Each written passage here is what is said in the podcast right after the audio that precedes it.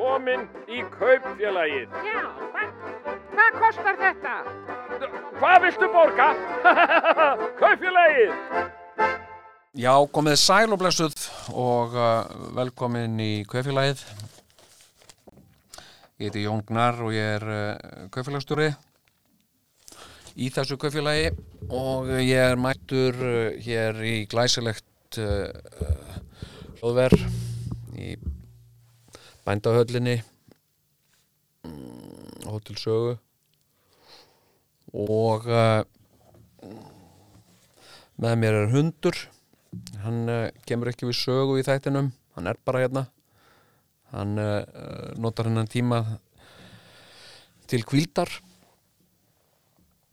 og, og steinsefur hér í þessum töluðu orðum. En það er mjög margt sem likur fyrir og uh, það er náttúrulega einstaklega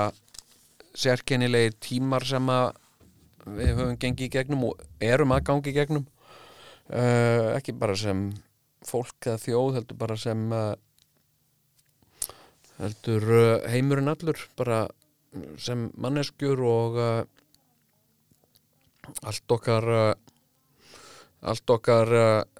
daglega líf er að taka miklum breytingum og og, uh, og uh,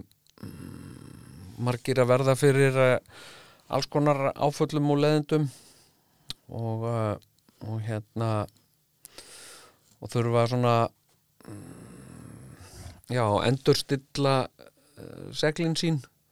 vegna þess að vindurinn er farin að blása bara úr ykkur allt, allt annari átt heldur en hann er vanur að blása úr og og uh, uh, og þetta verður allt í lægi það mun alveg reddast og svona en, en uh, en þetta verður samt uh, og hefur verið uh, og er þungur róður fyrir marga. Og og hérna mm, já, þannig að þetta er þetta er bara rosa skrítið og uh, og hérna og svona mér vefst svolítið tunga um tönn að tala um þetta. Þú veist, minnst ég ekki alveg geta sagt hvað er þetta, þetta er ekkert mál maður, þetta verður allt í læg minnst ég ekki alveg geta sagt það. En þetta er þegar orðið tölvert mikið mál fyrir mjög marga. Og, uh, og síðan vil ég heldur ekki sko hella mér í eitthvað uh, vonleysi og áhyggjur. Uh, og ég hef alveg tekið svoleiðis rispur sko, það sem ég hef uh, það sem að ég svona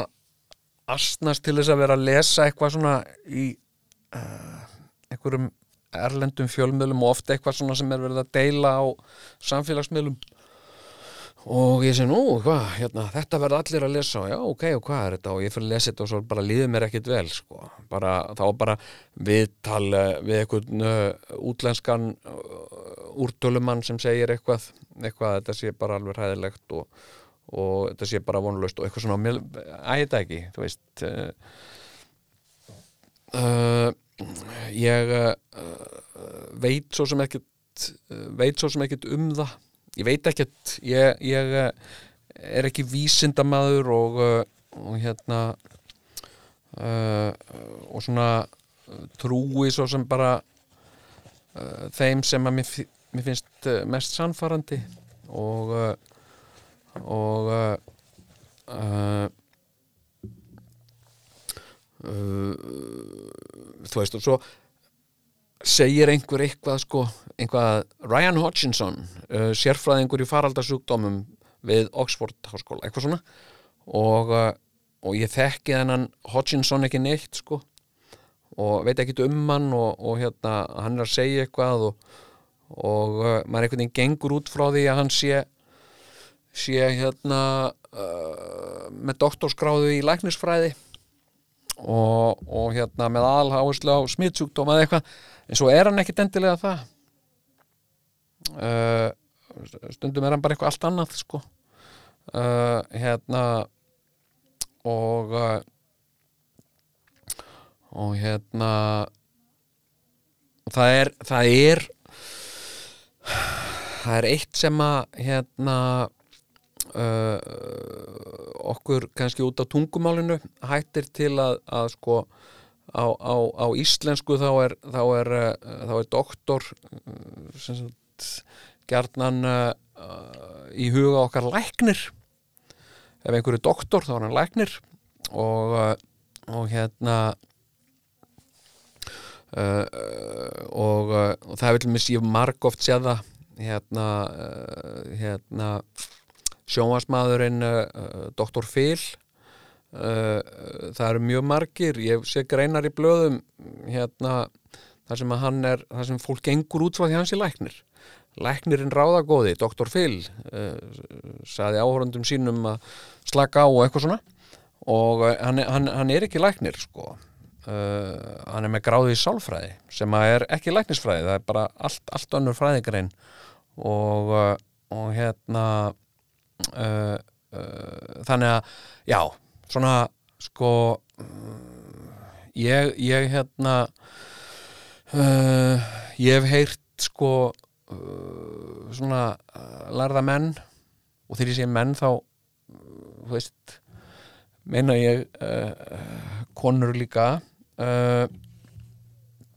hérna mm, það, þetta er eitt af þessum vandamálum með íslenskuna að uh, sko og með nýjirðinn og, og uh, það er hvað hún er kynbundin og, og sagt og við notum við svona mann gerum hluti ef þeir eru uh, gjarnan til dæmis ef þeir, ef þeir eru mikilvægir eða merkilegir. Hérna það er í rauninni alveg alveg uh, stórmerkilegt að, að læknir skuli ekki heita læknismadur eða lækningaherra eitthvað svo liðis uh, uh, eins og vísindamaður. Uh, hérna sagt vísindamaður og þá ætti það að vera sagt lækningamaður og hjúgrunar kona þetta er, þetta er, og þetta er þú veist, okkar dásamlega tungumál þetta er samt sko uh, vandamál. Þetta er ekki gott. Uh, og þetta er eitthvað sem við ættum að, að, að vera eða mættum alveg vera eða mér finnst að við mættum vera meðvitaðar um. Uh, hvernig við karlgerum uh, karlgerum hluti eins og flugmaður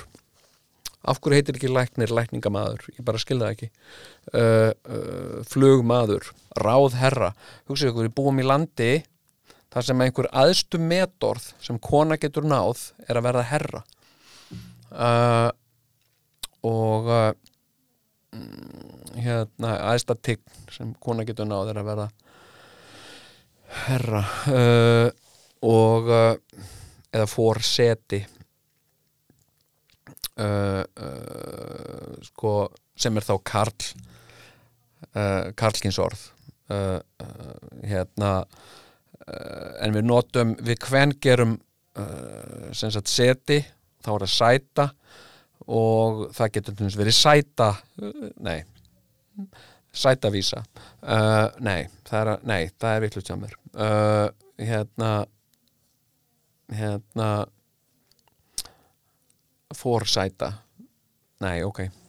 Kannski hérna hérna uh, ég er svo stjóri og stýra. Uh, sko uh, það eru uh, nokkra konur eða margar konur sem kjósa að vera ekki forstjóri heldur forstýra. Uh, og uh, já, ég sko, ég, ég myndi sko hérna já, ég er með miklar meiningar um þetta og það væri alveg efni í í marga þætti að tala bara um, uh, um þetta. En uh, vísindamenn sem að mér finnst að við ættum alveg að hafa orð á íslensku sem væri bara scientistar uh, uh, hérna og, og mér finnst það líka bara uh, sko vera uh, nöðsynlegt og mjög mi- mikilvægt og bara reynlega nöðsynlegt í uh, sem sagt þegar við erum að tala um hluti sem skipta miklu máli. Uh, og ég, ég uh, minnst allt í lagi að uh, búa til flott íslenska orði við hluti sem skipta uh, einhver svona stóru stór mikilvæga máli það allt í lagi. Finnst það mjög töff að- að kalla það mjög, ég var bara að hugsa á leðninga hvað, hvað eh, sko uh, ég var að hugsa um ok, ég ætla að vaða aðeins hérna úr reyni annað. Þegar ég var að labba enga uh, þá uh, gekk ég fram á svona gröfu sem að var að, sem sagt svona garðagröfu, svona lítill smágröfu sem var á svona skriðbeltum. Og uh, og hérna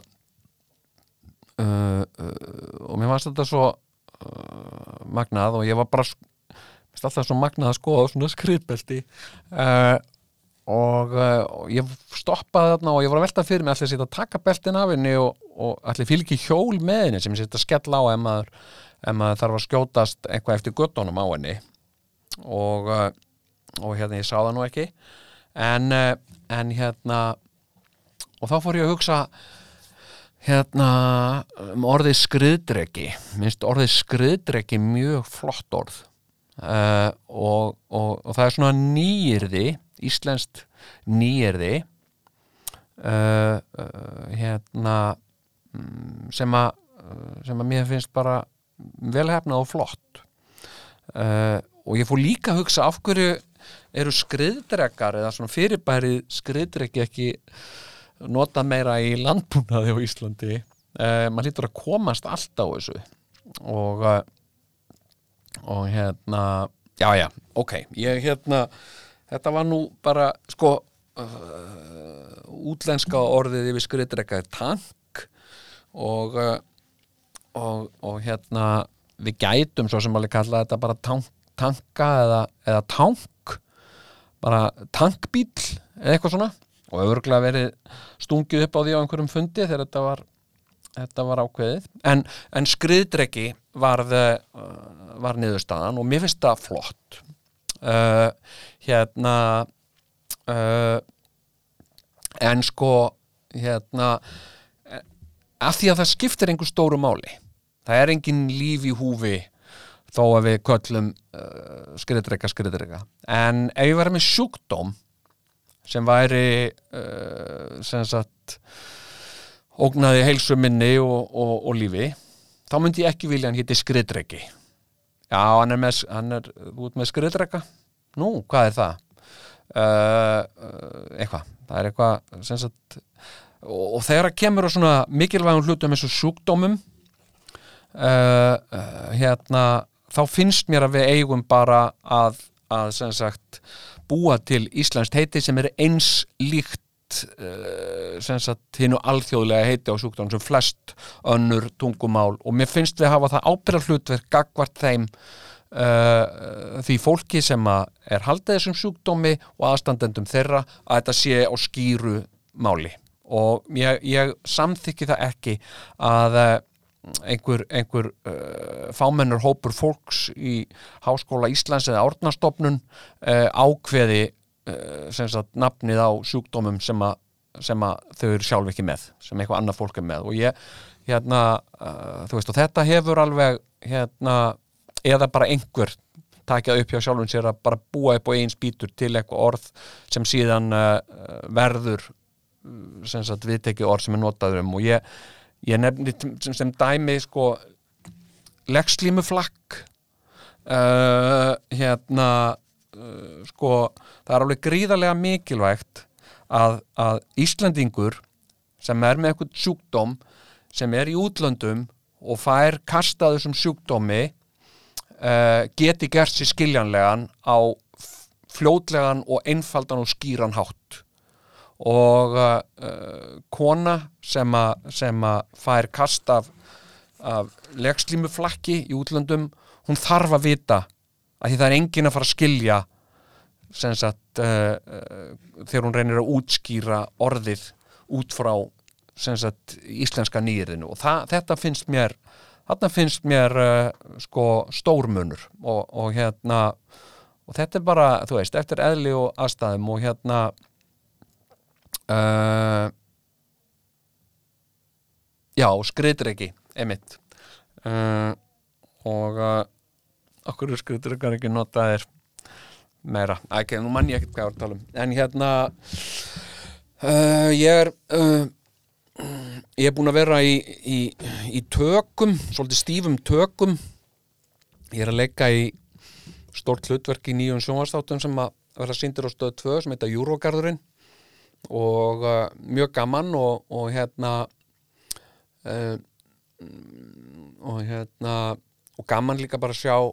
svona sjónvars og kvikmyndaframleyslu fara einhvern veginn aftur í gang. Og uh, já, rosa gaman en ég er svolítið svona ég er svolítið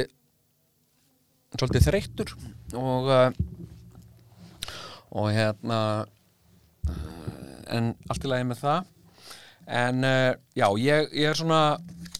uh, ég, ég kem kannski að þessu. Svo er annað líka sem að sem að hefur verið að að uh, já, ég er að tala um einmitt, já. Hérna ég var að tala um uh, COVID-19 uh, faraldurinn sem að eða sem sagt uh, koronavírusin sem veldur COVID-19 þetta er alveg bara svona hérna uh, og, uh, og það sem að það sem að vísindamenn sem ég myndi vilja geta sa kalla scientistar uh, eru að segja og, uh, og niðurstaða mín af því er svolítið að uh, við vitum ekkert rosalega mikið um þetta. Og við vitum ekkert alveg hvernig þessi vírus hagar sér. Uh, hann uh, hann virðist vera sko uh, hann virðist vera á hraðri niðurleið um allan heim og hann virðist vera að ganga niður bara af sjálfstáðum og, og hérna og það er stórmerkilegt. Uh, smitum sko, flest smitt hafa verið í bandaríkjónum og þar hafa verið bara einhvað um 30.000 greint smitt á dag í svolítið langan tíma og nú er það gengið niður í 20.000 uh, en samt er verið að opna allt þarna. Og, uh, og hérna uh, það er búið að opna baðstrandir og aflétta höftum og, og, og þessi forsetið er að náttúrulega bara uh, sko uh, er náttúrulega bara eins og hann er sko, er annað líka mjög merkilegt hérna með sko uh, með útbreiðsluna á þessu uh, á, á, á koronavírusnum að hann veldur einna mestum usla í löndum sem, a, sem er stjórnað af fábjónum. Uh, hérna uh, Bandaríkjónum Rússlandi uh, hérna Bretlandi og Brasilíu. En fórseti Brasilíu er, er algjör fábjáni og hérna uh, og uh, og þarna í þessum löndum sem sagt uh, hafa svona bara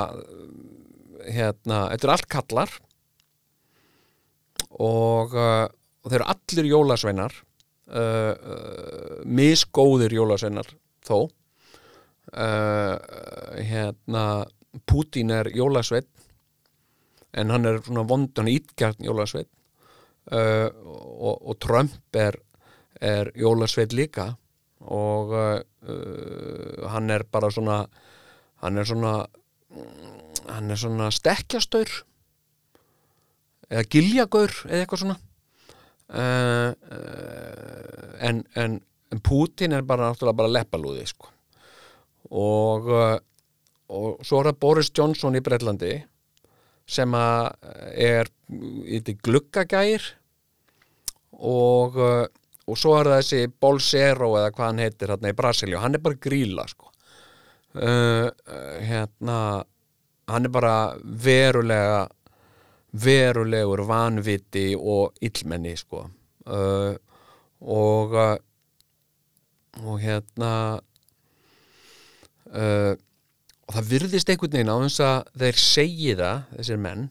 þá, þá virðist vera eins og þeir hugsi að einhvað sé svona eitthvað döðsfall sé ásættanlegur fórnarkostnaður. Ég,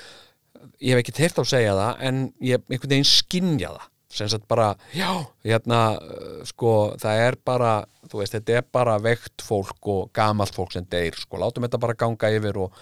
og hafa sinn gang eitthvað svona, þú veist, þetta er bara uh, gangur lífsins eitthvað svona sem er ekkit alveg rétt og mér finnst það bara svo stór siðferðislega spurning. Og uh, og hérna en, en uh, uh, já. Vísindamenn uh, vita ekkert. Og nú, nú bara er þetta einhvern veginn að bara virðist hún bara vera að ganga niður út um allt og, og samt er verið að opna allt upp. Og uh, og uh, hún hefði einhvern veginn bara núna á síðustu dögum bara uh, verið að gjósa upp á nýtt. En hún er ekki að gera það. Eða hann er ekki að gera það vírusinn. Eða hún veiran. Já, hugsið, við erum með, við erum með bæði kvenkinn og kallkinn yfir, yfir sko vírus, þetta er dæmis þetta er ekki gott. Uh, þetta er bara eitthvað sem skiptir mjög miklu máli uh, og, og það er bara alls konar díteilar í þessu sem skipta gríðarlega miklu máli. Til dæmis að fólk sé upplýst um það að baktería og vírus eru tveir ólíkir hlutir. Það eru ekki allir uh, með þetta á reynu uh, uh, margir til þess að halda að, að fúkalif sem heita líka síklalif sem er annað sem er ekki gott vegna þess að þetta fær fólk til þess að halda að þetta sé eitthvað tvent ólíkt. Síklarlif sé eitt og fúkalif sé eitthvað annað. Uh, og, og, og að vírus og veira sé ekki það sama. Það er algjörlega það sama. Uh, og þetta þurfum við svolítið. Mér finnst það veitum að setjast niður og bara skýra þetta allt saman. Fara bara vandlega yfir þetta á að segja vírus eða veira uh, og hérna og uh, síklarlif eða fúklarlif eða pensilín, fólk gæti ég að halda að, að uh, fúklarlif, pensilín og síklarlif varu þrjár mismunandi tegundir af lifum og þarna finnst mér uh, mikill veikleiki í íslenskri tungu. Og ég bara uh, og ég hef upplifað það bara á mínu eigin skinni sko. Og uh, uh, uh, já, mínu eigin skinni. Ég, ég, ætlum, ég, er með, sko, ég er með XM sem er sjúkdómur og, og hérna uh, og uh, þetta kallast XM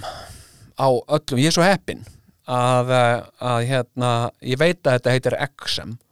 þannig að þegar ég var á á, uh, á Spáni og, uh, og fekk svona XM útbrott líklega út af sólinni sem er kallað Solar XM þá gæti ég farið í í apotek uh, uh, sem að blessunarlega heitir líka apotek á íslensku. Annars hefði ég aldrei fundið þarna uh, hérna uh, og það heitir endar á spænsku farmacia eða farmacia. Já. Uh, og uh, og hérna og ég fór þangað inn og gætt tala þar við unglingsstúlku sem að uh, var ekki enskumælandi og ég er ekki spænskumælandi en ég gætt samt sínt henni á mér olbóan og sagt XM, a XM eitthvað svona, sagði hún. Og, og hérna uh, sko, og þarna bara uh, þarna skiptir gríðarlega miklu máli að, að, að það séu skýr orð. Og við látum ekki bara eftir bara einhverjum að finna upp eitthvað íslenskt orð sem viðkomandi dettur í hug uh, yfir hluti sem skipta mjög miklu máli. Það er bara á ekki að vera þannig. Uh, þannig að uh, já, sem sagt þessi vírus virðist vera að ganga niður eða þá að við, í þessum löndum sem að hafa uh, eru uh, sem sagt harðast úti hafa orðið harðast úti í baróttunni við vírusinn kannski bara búið að draga líka úr því að testa fólk eða, eða, eða greina. Og uh, kannski búið að íta því til hliðar eða eitthvað. Ég bara veit það ekki. Uh, og uh, og síðan hef ég svona uh, lesið við tölvið einhverja sérfræðinga úr bæði innlenda og erlenda og, og hinni og þessari áttinni og uh, og hérna og niðurstaðan er einhvern veginn svo að það veit í rauninni engin almennilega. Það er engin sem getur uh, ákveð sagt fyrirfram um hvað gerist næst. Við bara hreinlega vitum það ekki. Uh, uh, vírusin gæti horfið og aldrei láti sjá sig hér aftur. Uh, það er eitt möguleiki. Uh, hann gæti sem sagt uh, tekið sér uh, smá kvíld og gósið síðan upp aftur einhver staðar. Uh, og, og og hérna svo gætum við jafnvel sem sagt einhver tíman núna með haustinu verið komin með eitthvað mótefni. Uh, og uh, en svo heyri ég líka í viðtölum við vísindamenn eða vísindafólk að uh, vírusinn uh, hafi alla möguleika og alla alla hérna já, alla möguleika til að stökkbreyta sér og uh, verða sagt, ný og bættari útgáfa af, af sjálfum sér vegna þess að vírusinn sé líka sagt að uh, reyna að vera sem mest vírus. Og uh, hann er svona að uppfæra sjálfan sig líka eða getur gert það. Og, uh, og hérna og þarna er til dæmis ótt bent á, á spænsku veikina sem að gekk yfir heimsbyðina hérna vetturinn 1918-1919 uh, að þá kom hann sem sagt uh, fyrsta bylgjan kom um vorið 1918 og uh, og hérna og eitthvað svona var eitthvað svona grassira hér og þar. Og það var náttúrulega heimstyrjöld heimstyrjöldin fyrri var í gangi og, og hérna og þetta var kallað eitthvað skotgrafasíki eða eitthvað svona af því að fólk svona sem að var að ösla í forarpittum í skotgröfum og svona og náttúrulega alltaf kvefað og hóstandi og svona það, það uh, var útsett fyrir þetta. Uh, síðan bara datta niður og allir bara, hei, ok, þetta er búið. Og hérna, og hérna en síðan sko uh, gausan upp aftur um hausti sjúkdómurinn og,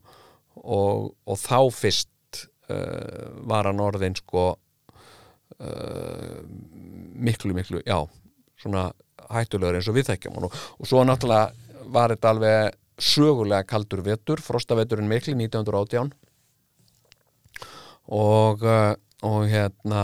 uh, og uh, fólk er að segja koronavírusin gæti alveg gert eitthvað svipað sko.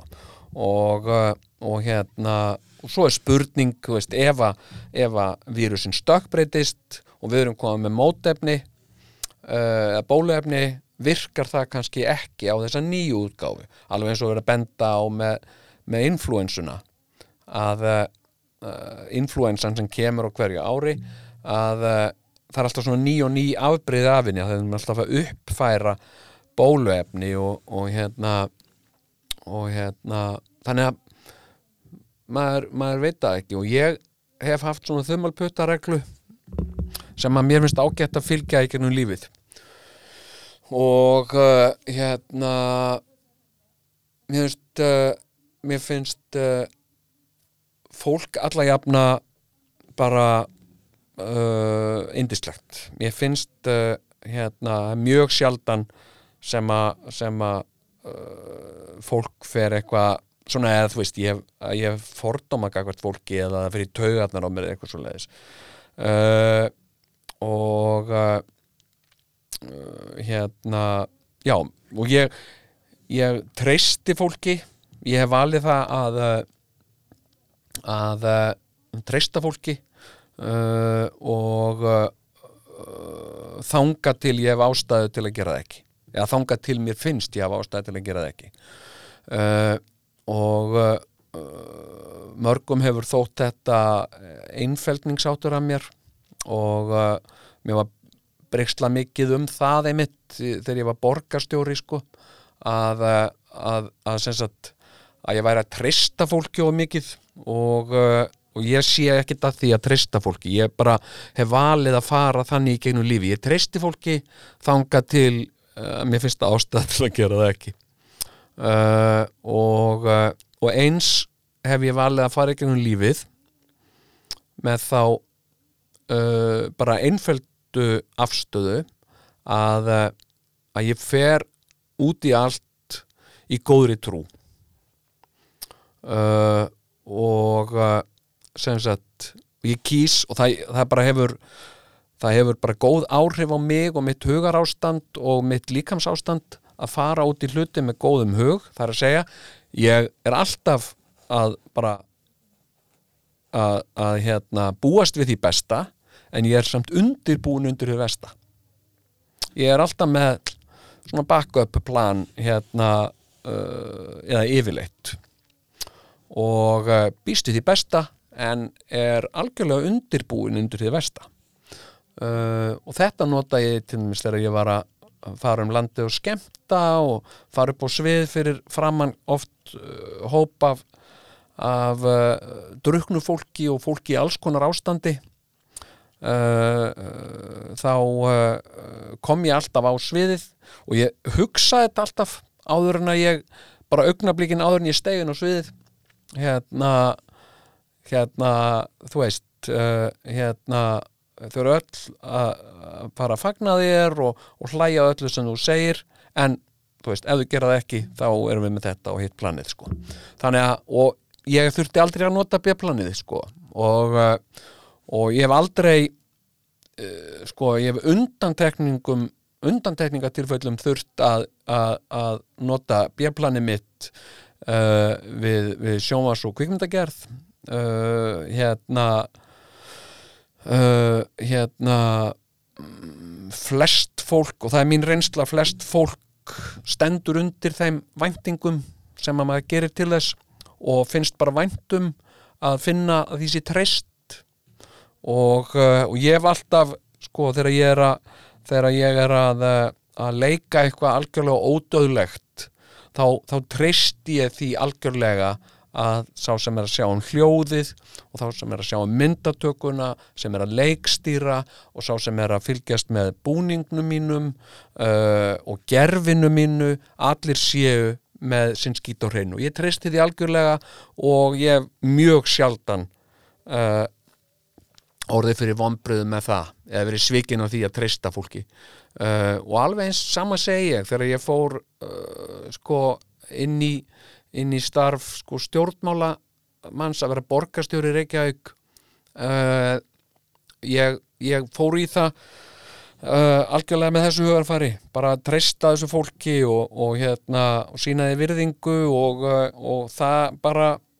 sem sagt uh, ég hefur sínt sig að það bara borgar sig. Og, uh, og það var algjörlega nær, já, nær undantekninga laust uh, uh, mín reynsla og mín upplifun. Uh, og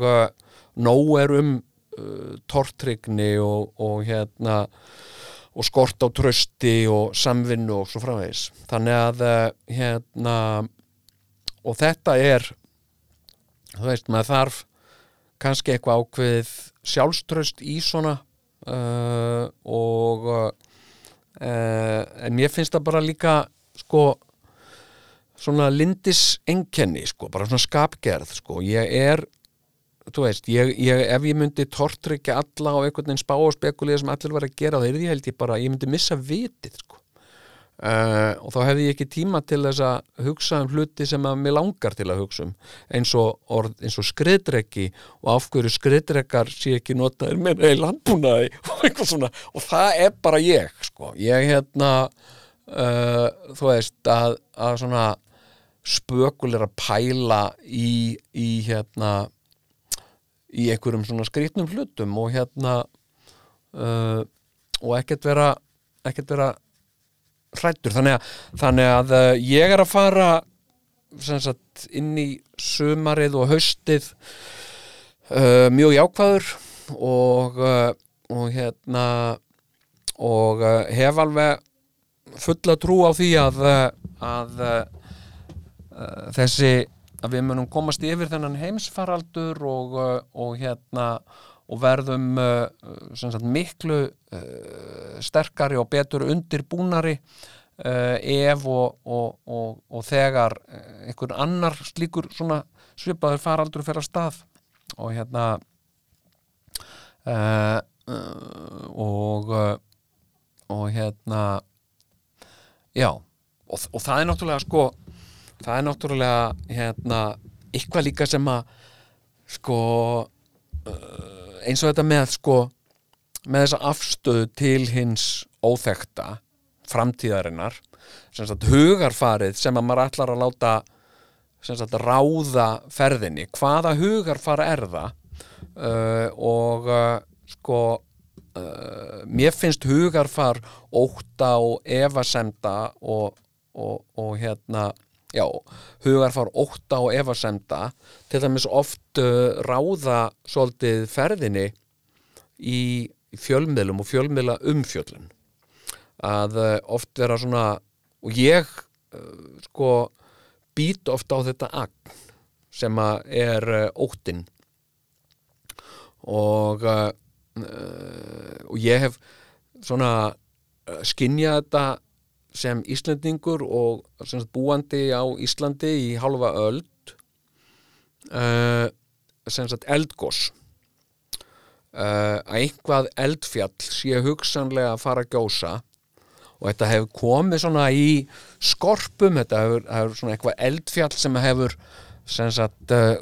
orðið í tísku á einhverjum ákveðnum tímabilum uh, er heklugós í uppsiglingu. Maður geti farið á tímarit.is og fundið endalaust svona hekla, katla uh, hérna uh, hérna uh, einhver jökull, öræfa jökull og eitthvað svona. Og og síðan er gjarnan viðtal við einhvern hérna eldfjallafræðing eða jarðfræðinga eitthvað svona sem segir sko já já já já sko hekla mun gjósa. En hvort það verður á morgun eða, eða eftir þúsund ár það er ómögulegt að segja. Þannig að sko og ég er búin að uh, vera hérna til og uh, það er svo merkilegt. Ég er búin að vera hérna til í, í 53-4 ár eitthvað. Sem sagt aldrei hefur uh, neitt af þessum eldfjöllum sem umvar talað eða spáða myndu gjósa gósið neitt alvarlega. Það uh, komið einhver svona komið einhver prump það komið einhver prump úr heklu einhver tíman uh, og uh, en en í staðinn sko hafa, hafa eldgós komið sko auðvitað í, í hérna, vestmannegjum um árið og þá var ég náttúrulega ungur það ungur að ég man ekki hvort að einhverjir var, voru búin að vera að spá því. Uh, en ég held að það hafi komið öllum óvart. Uh, Eyjafjallajökull, ég vissi ekki einu sinni að það væri eldfjall. Og uh, sko þannig að, þannig að það bara það kemur bara upp gos eitthvað það sem enginn hafði það hafði enginn, ég aldrei séð neina frétt í, í blöðunum minn er að fyrirsögt bara tíma spursmál hvenar eigafjalla jökull fyrir að kjósa. Uh, og uh, þannig að hérna uh, já, og oft er ekkert sko þú veist, það er allt í lagi að vera þú veist, fyrirhyggjusamur og, og þú veist upp að einhver ákveðnu marki hafa áhyggjur af einhverju vera stressaður yfir einhverju það er, það er bara eðlilegt uh, og uh, stress til dæmis er ekkit er ekkit uh, ónáttúrulegt ástand. Það er mjög eðlilegt og heilbrygt að vera stressaður uh, ef maður hefur ástæðu til þess. Og uh, uh, og hérna stress sem er líka hérna kalla kvíði uh, sem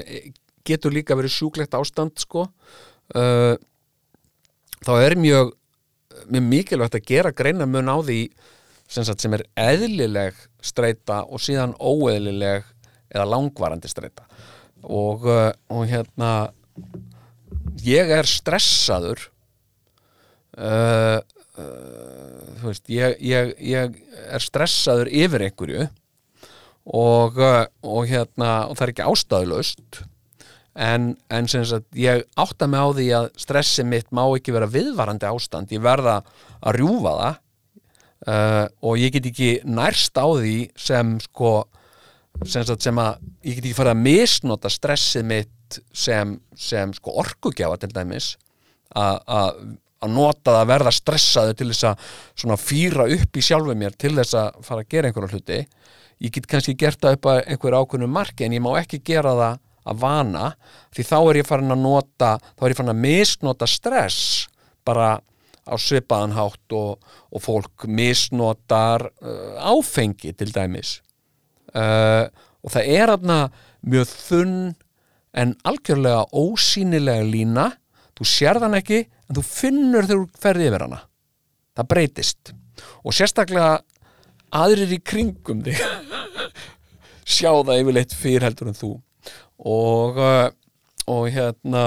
þannig að sko uh, hérna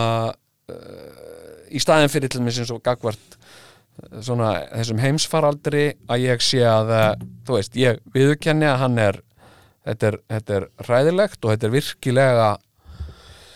þetta er virkilega eitthvað til að þú veist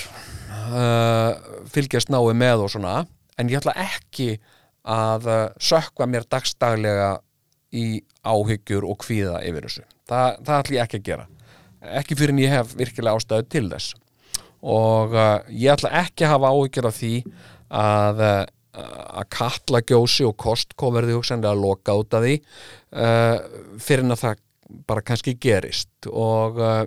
þá skal ég hafa verulega áhyggjur af því og, uh, og ég ætla að vera verð undir það búin á mennhátt án þess að vera að gera eitthvað mikið úr því eða, eða íþingja fólki með, eh, með mínum uh, undirbúningsáherslum. Uh, þannig að og þannig kýs ég að takast á við þessa við þessa þessa hérna þennan vírus. En en hérna uh, já, það, sko, ég ætlaði nú reyndar hérna í upphafi, ég var nú búin að skrifa þetta er nú svo furðulegt, sko. Ég er búin að setja hérna núna í uh, í 45 mínútur og uh, og ég er ekki búin að tala um sko helmingin af því sem ég ætlaði að tala um. Þetta var bara svona, hugsi ykkur bara, þú veist, þetta er bara svona ingangurinn að ég gæti veist, ég gæti sett heimsmet í bladri ég sko ég gæti setið og talað uh, uh, já, bara þá til ég hefndi hníga út af bara af ofþreitu en uh, já, ég ætla að tala eins um ég ætla að tala eins um hérna, það er annað líka að því ég er svolítið mm, ég er þreyttur og mm, ég hef uh, velt fyrir bærinu svefn mikið fyrir mér og uh, mm, og ég hérna á líka eitt sem ég var að hugsa þegar ég voru leðninga þetta með sko uh, viljan og þetta að hafa frjálsan vilja. Uh, ég stór efast bara þannig að sé á hreinu og bara fyrir hlustundu mína til þess að skilja sem sagt hugar ástandið oft þegar ég er að tala. Ég, ég stór efast um að við höfum nokkuð einasta sjálfstæðan vilja bara þannig að það sé sagt. Uh, og uh, ég stór efast um að við séum þær uh, andlegu verur sem að við mörg teljum okkur vera. Uh, ég hef enga trú á því að það séu til uh, aðri máttarvöld sem séu eitthvað að fylgjast með okkur. Ég held að við séum bara okkar eigin aður, aðri máttarvöld og, og ég er, er einn þeirra sem er þeirra skoðunar að, að Guð hafi ekki búið okkur til heldur höfum við búið hann til. Uh, þannig að það sé hérna sagt inn í þennan hóp. Uh, en uh, en þá er ég alls ekki að segja að það sé ekki til neinir, neinir huliðsheimar uh, aðrar vittir eða, eða mm, önnur tilvistarplön, ég er ekki að segja það. Ég, ég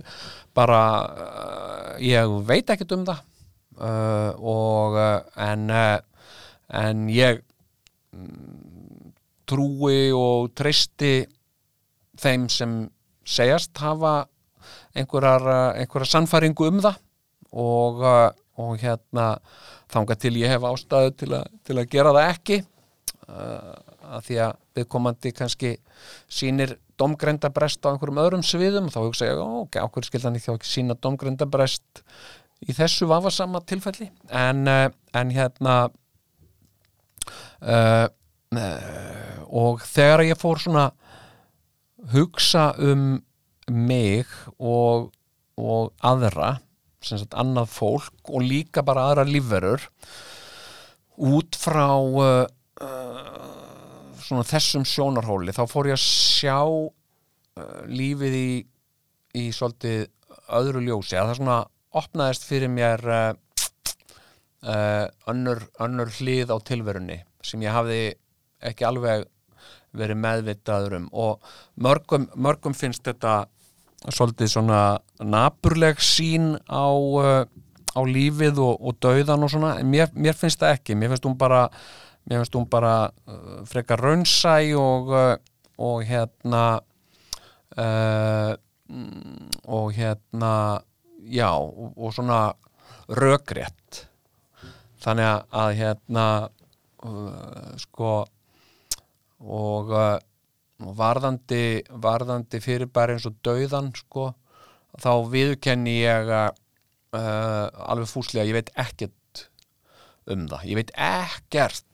hvað, hvað uh, gerist þegar við skiljum við þetta jarlíf eða sem sagt hvað, hvað verður um fólk? Hvort það, heldur áforma að vera til í einhverju ástandi eða eitthvað? Ég bara hef ekki hugmyndu það. Og hérna en, eh, en hérna uh, ég er bara opinn fyrir því og, og hérna uh, og, og þegar að það er að kemur þá er ég manna spenntastur uh, að vita. En hérna já, en ég ætla ekki að tala um ég ætla nú ekki að vera að tala um döðan hérna sko. Það er svo niðurdrefandi að tala um döðan hérna ég ætla að tala um svefn. Ég er búin að sofa illa. Og uh, ég hef sko uh, alla tíð uh, átt já, tímabil þar sem ég hef átt erfitt með svefn. Og og ég verða skoða þetta í gegnum lífið. Sagt, hvað, hvað er það sem veldur þessu og, og hérna og ég prófað allan fjandan í sambandi við þetta. Ég sko uh, og þá í þeim tilgangi að einhvern veginn að sofa betur. Uh, ég hef prófað að að ég et ekki þetta og ég et ekki hitt uh, uh, drekk ekki kaffi, drekk ekki áfengi borð ekki sigur uh, borða þetta fyrir eitthvað hitt og og ég hef ekkert sko já, ég hef ekkert séð neitt sko stór marktakan mun á því. Þetta, þetta ástand sko bara varir. Uh, og ég hef reynd að uh, svona stilla sjálfan með af með hjálp lækna í gegnum, gegnum lífið með livjum og, og það eru sko hérna, þegar ég var þegar ég var krakki þá, þá var ég á barna og unglingageðdeild uh, Bögl hérna uh, svona til eftirlits og meðferðar frá, ég byrja að koma ánga þegar ég er svona uh, fjögur ára og er þar svolítið mikið uh, uh, milli fimm og sex ára, svona frá fjögra til, til sex ára. Þegar ég er þryggjára gamall þá fer ég að greinast með svona þroskafrávik og, og hérna hegðunarfrávik. Ég bara sem sagt, uh, sem sagt uh, er, er, uh, er sérkennilegur bara strax svona ungur og, og það lýsir sér sem bæði sem annars vegar sem hömluleysi og hins vegar sem einangrun. Uh, já, sem sagt bara einangra mig eða er algjörlega hömlulaus. Og, uh, og hérna og niðurstaða sagt, og það var svolítið verið að meta það hvort að ég væri hæfur til þess að fara í almennan uh, grunnskóla. Uh, það var niðurstaða niðurstaðan að ég væri hæfur til þess og ég væri uh, góðum gáum gettur og, og hérna uh, en ég væri með þessi, þessi frávik og, og, og þau væri best að, að sagt, takast á við með livjum uh, uh, mamma mín heitin, hún var af gamla skólanum og hérna og mamma treysti ekki læknum. Og og það var sko mikið til vegna þess að hún hafði mist svo marga ættingja, bæði sískinni og, og uh,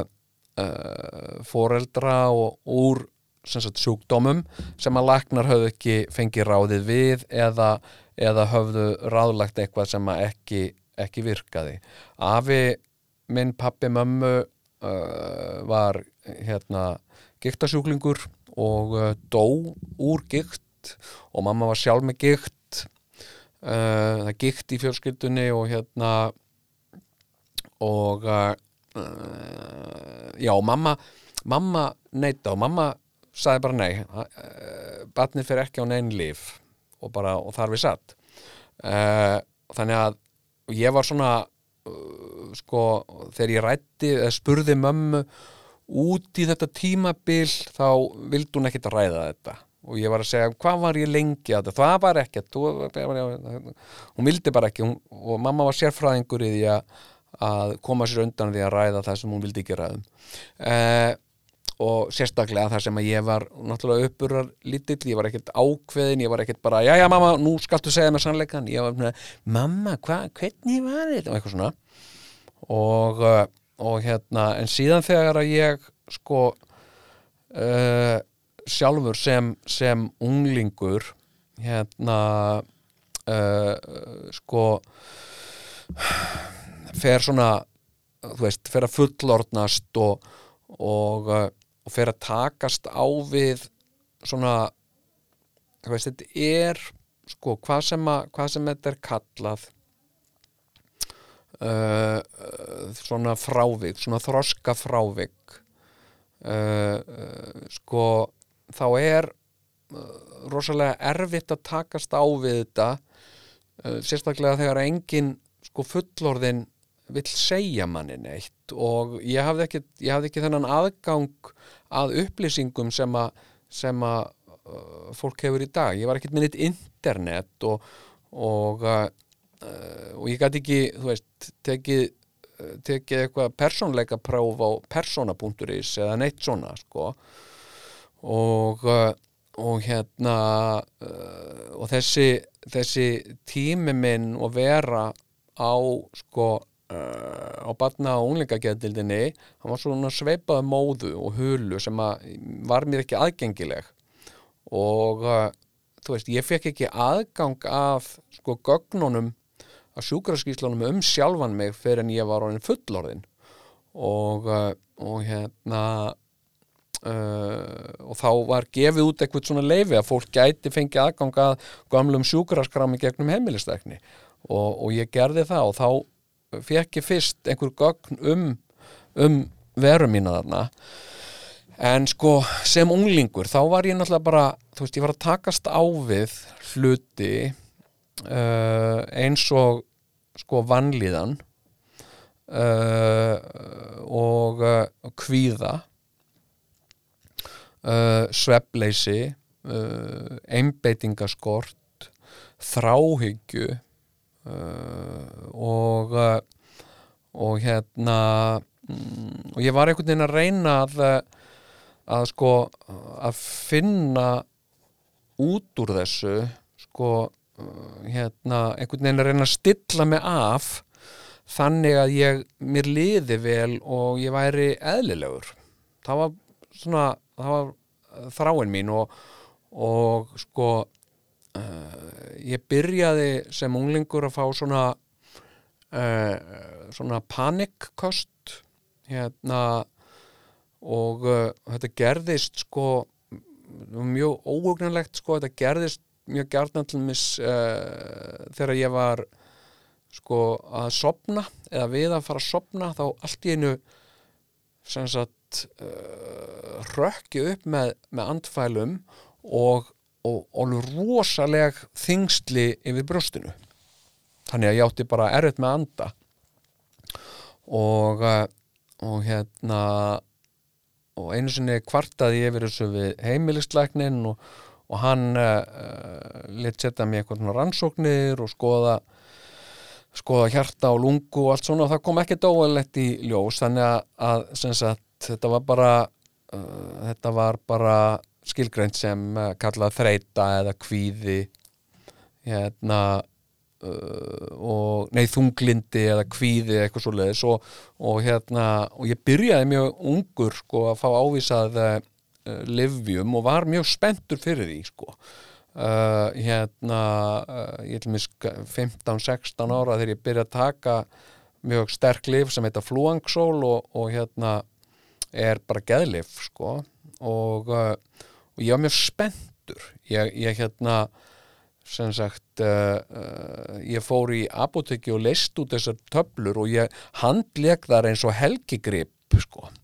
hérna sagt og mér fannst ég vera sko þegar ég stakk uppi mig fyrstu töflunni þá fannst mér ég vera sko bara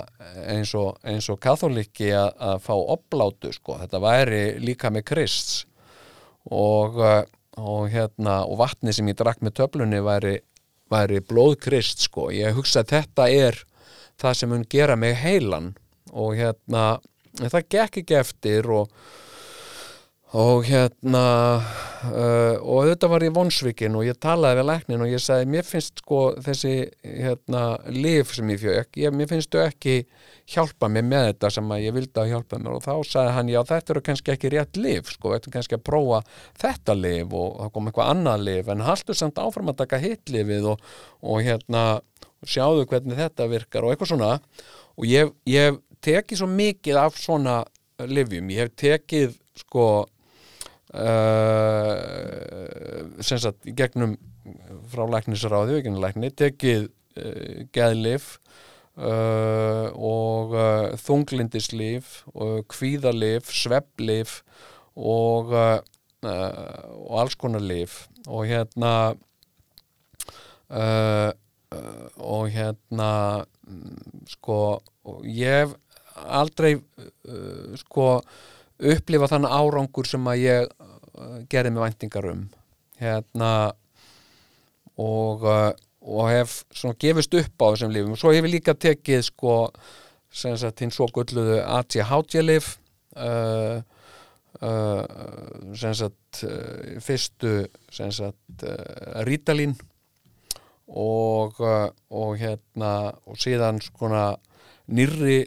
hérna lifa eins og konserta eða adderal uh, hérna og uh, sum þessar að lifa, lifja höfðu einhver svona ákveðin jákvæðar áhrif á eitthvað en, uh, en, en ekki alveg þær væntingar sem að ég gerði uh, með vonur um. Og síðan líka sko höfðu þessi lif uh, sko uh, aukaverkanir, það er að segja að þau höfðu hérna uh, verkanir sem að, að sko, aukaverkanir sem að mér fannst yfirgnæfa sagt, neikvæða áhrif sem að mér fannst yfirgnæfa þau jákvæða áhrif sem ég upplegaði þannig þannig ég hef hætt á þeim öllum. Og uh,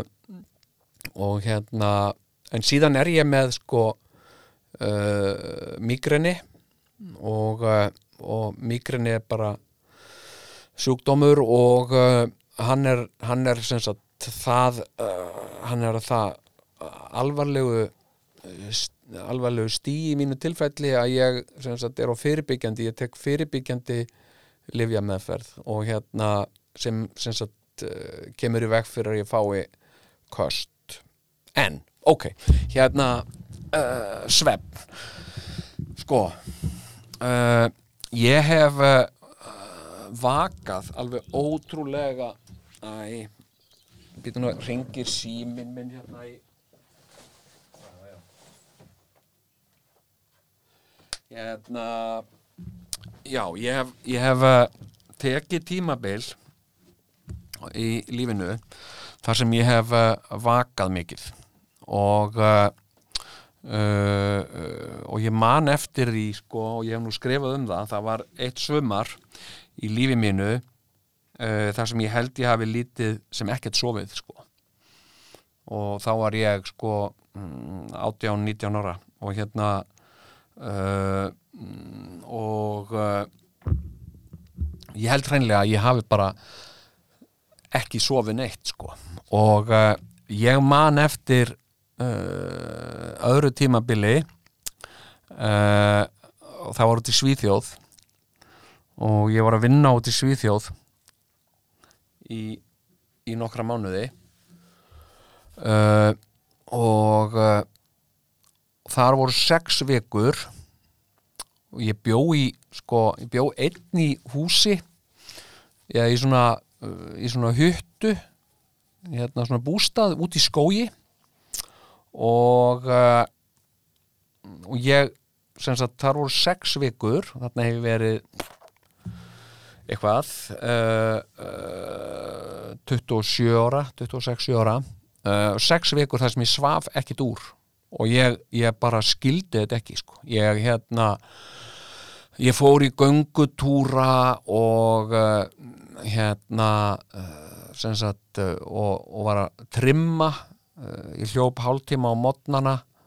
sem sagt eftir að ég sem sagt hefði átt að vera vaknaður eftir ég bara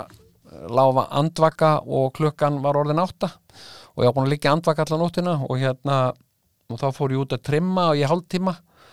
Og svo í vinnuna og svo kom ég heim og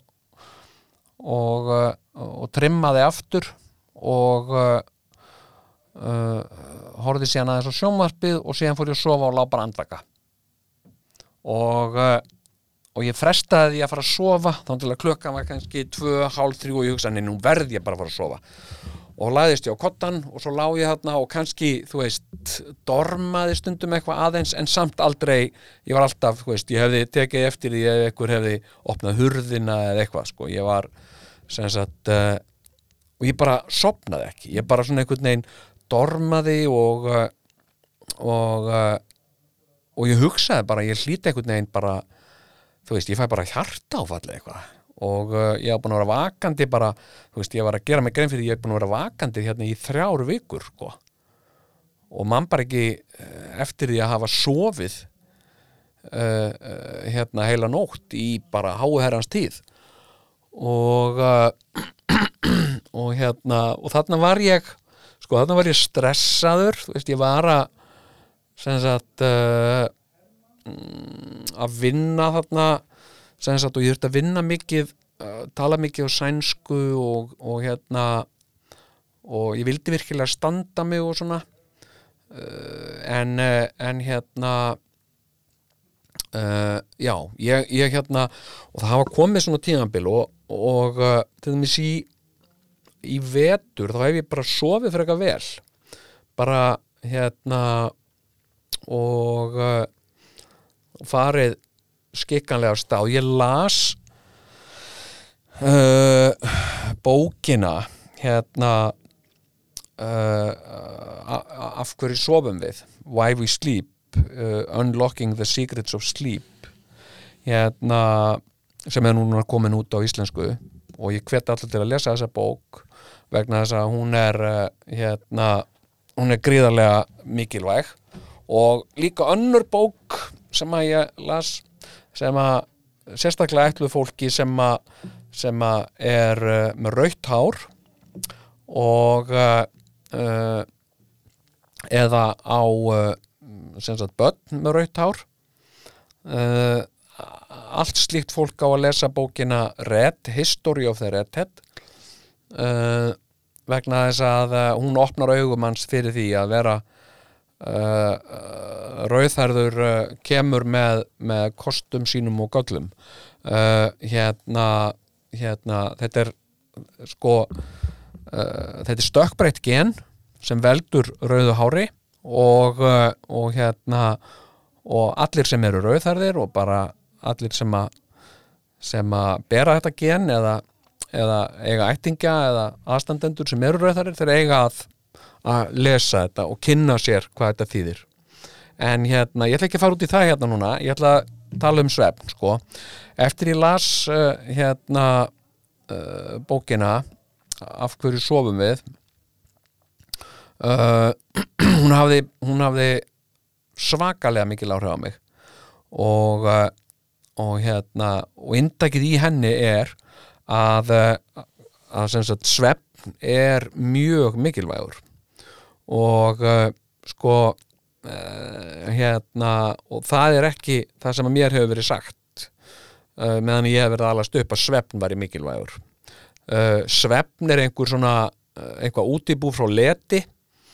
og, og það er voða mikið um þetta svona í mínum uppvexti að, að hérna að það sé nú engin, engin sómi af því að sofa og hérna og, og fólk eigi nú frekar að reyna bara uh, sofa minna en meira. Og, uh, og vinnusemi eh, er gufugar en svepp. Og, uh, og þetta kemur, þú veist, ég verður að hugsa sko hérna, hérna uh, eins og í vorkvæðinu sko, hún hefur sagt mér til syndana minna. Ég sofi of mikið en vinni ekki nóg. Uh, og það er uh, engin annar en blessu Lóan sem er að segja þetta. Uh, Lóan segir bí, bí, hérna, dyrrindi, dyrrindi og ekki að sofa svona mikið. En hérna en hérna uh, uh, og uh, það sem sagt kemur fram í þessari bók og þetta er bara vísindarlega rannsóknir að við sofum í rauninni uh, of lítið sko. Og, uh, og ef við venjum okkur á að sofa of lítið þá, þá missum við vitið á endanum. Eða, eða þróum með okkur sjúkdóma. Og, uh, og hérna og það er með sínt fram á með rannsóknum að aukin tíðni ákveðina sjúkdóma uh, má rekja til, uh, til skorts á svefni. Uh, og uh, börn í móðukviði þau sofa allan tíman í móðukviði og það er nöðsynlegt fyrir heilan til þess að bara þroskast með að verum börn og unglingar að viðkomandi aðlið sem heilin er í sofi. Og bara sofi eins mikið honum finnst hann þurfa að sofa. Og, uh, og þegar, að, þegar að unglingar eru að sofa mikið þá er það bara náttúrulegt ástand sem að heilin í þeim setur þau í. Og uh, uh, ekki leti alls ekki, þetta getur verið mjög kraftmikið og dögulegt fólk. Uh, en hérna uh, já, ég fór að átta mig á því sko uh, hérna uh, bara fyrst núna þegar ég er sem sagt 53 eða 4, ég manna það ekki uh, hérna fyrst núna er ég átt að með á því að þetta svefleysi mitt eða þessir erfileika með svefn þetta er meira heldur en streyta eða eitthvað sem ég borðaði eða eitthvað.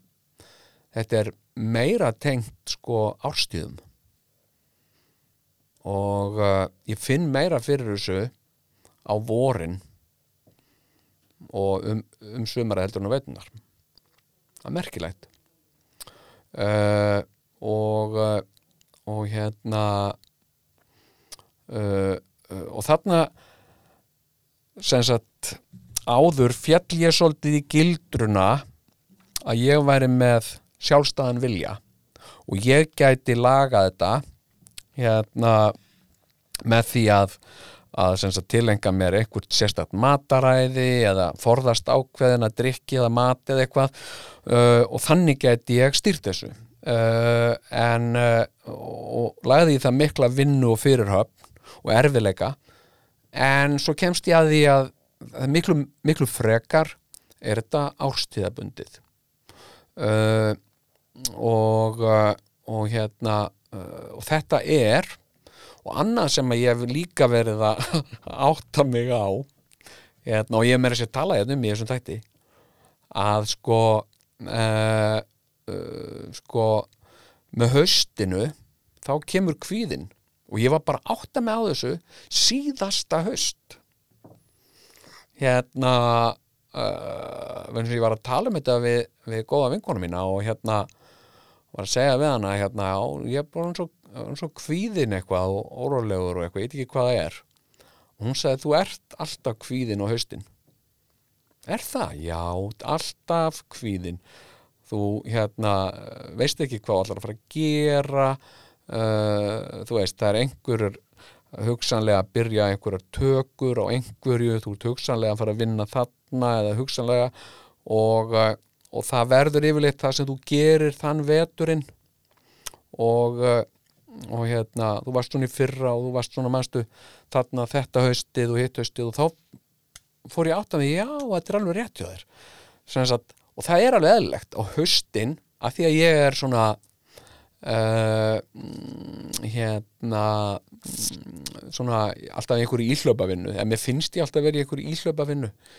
Einhver svona tímabundin verkefni og svo er það búið og svo fyrir ég að gera eitthvað allt annað og, og, og ef það kemur ekkert upp í hendundan á mér þá er ég að búa eitthvað til og, og hérna og verð svolítið bara að treysta uh, sko á mig sjálfan í því eins og ég er að gera með hann þátt hérna. Uh, þú veist hérna sýt ég bara og bladra og bladra og bladra um allt og ekkert og, og fer út og söður og svona. Og, og sömum líkar það öðrum líkar það ekki og það mér er bara skiptið með einhver máli. Hérna, þetta er bara það sem ég geri sko og svona hef ég alltaf gert. En hérna en hérna og þá er þetta með sko þá er þetta með hérna uh, sko uh, þessar, þessar vorvökunætur mínar og uh, og hérna uh, og þetta er bara eitthvað svona sem að sem að er svolítið árstegabundið sko. Og, og, og, og af hverju höldum við til dæmis alltaf uh, hérna já, hverju er það svona fjarrri okkur mannfólkinu alltaf að, að, að við séum svona aftengt náttúrunni. En öll dýr fylgja einhvern veginn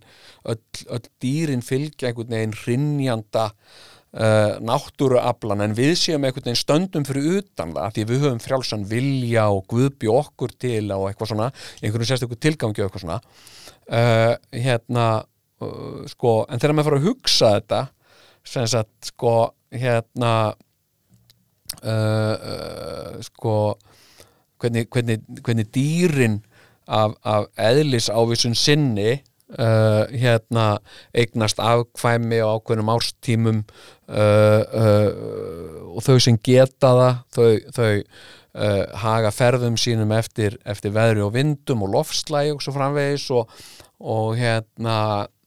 Uh, sumdýr bara hreinlega hérna, skriða hún í hólu og bara sofa af sér uh, sko hálft árið sko. Uh, og en við látum það kemur okkur og óvart að þetta skulle hafa áhrif á okkur árstíðunar og hérna og hérna allavega var ég ekki að gera mér grein fyrir þessu fyrir núna. Og og hérna á þessum tímum vorsins á, á verð ég óhemju uh, svona framtaksamur og duglegur. Og ég er það nú öllu jöfnu alltaf og bóstlega uh, duglegur og, og kraftmikill. Annars gæti ég aldrei hafa gert allt þetta sem ég hef gert sko. ef ég væri ekki duglegur. Þó ég segi uh, og þó ég vilji halda því oft fram um sjálfa mig ég sé letuhaugur þá, þá er það ekkit rétt sko. Og hérna og hérna og gjarnan svona vorin þá seti, tekið mig fyrir einhver svona verkefni, einhver svona smíðaverkefni að smíða smíða palla eða gróður setja plötur, plöntur eða, eða hérna uh, skiptum jarðveg í garðinu hjá mér eitthvað bara. Og hérna og það er svona mikil aksjón hjá mér á vorin og uh, og hérna þannig að í staðin fyrir að líta á þetta sem eitthvað svona óeðlilegt ástand sem ég verði einhvern veginn að díla við með einhverjum hætti þá kýs ég bara að gangi gegnum þetta bara eins og þetta er. Og uh, hérna uh, og uh, og það kann kannski að virka framandi fyrir fólk uh, að, að, að sko já,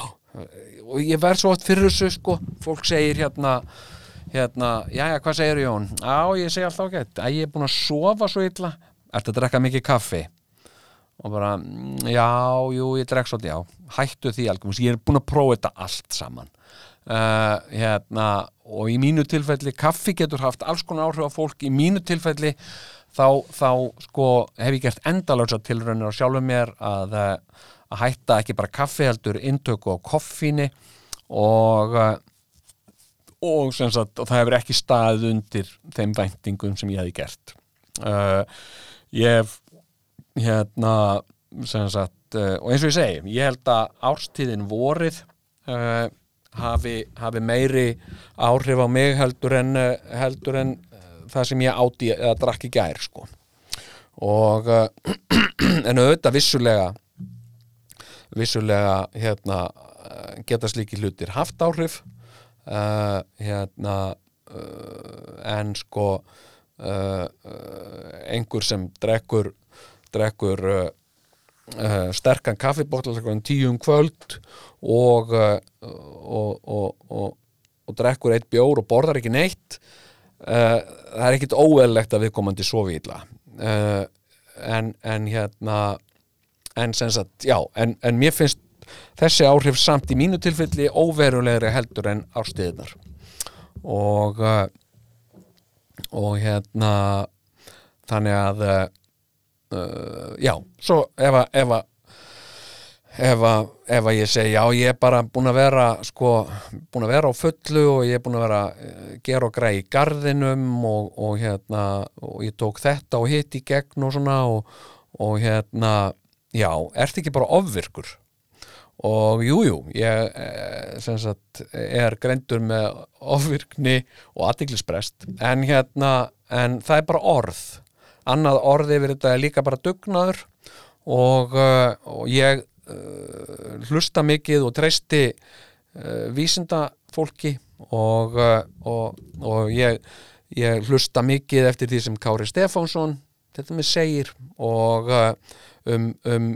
genin í okkur sem, sem koma frá forfæðurum okkar og búa okkur til og gera okkur að því sem við erum uh, að, að við erum uh, sko svolítið uh, hérna afleðing forfæðra okkar og og hérna framlenginga forfæðum okkar. Og ég ber í mér gen for, forfæður mínir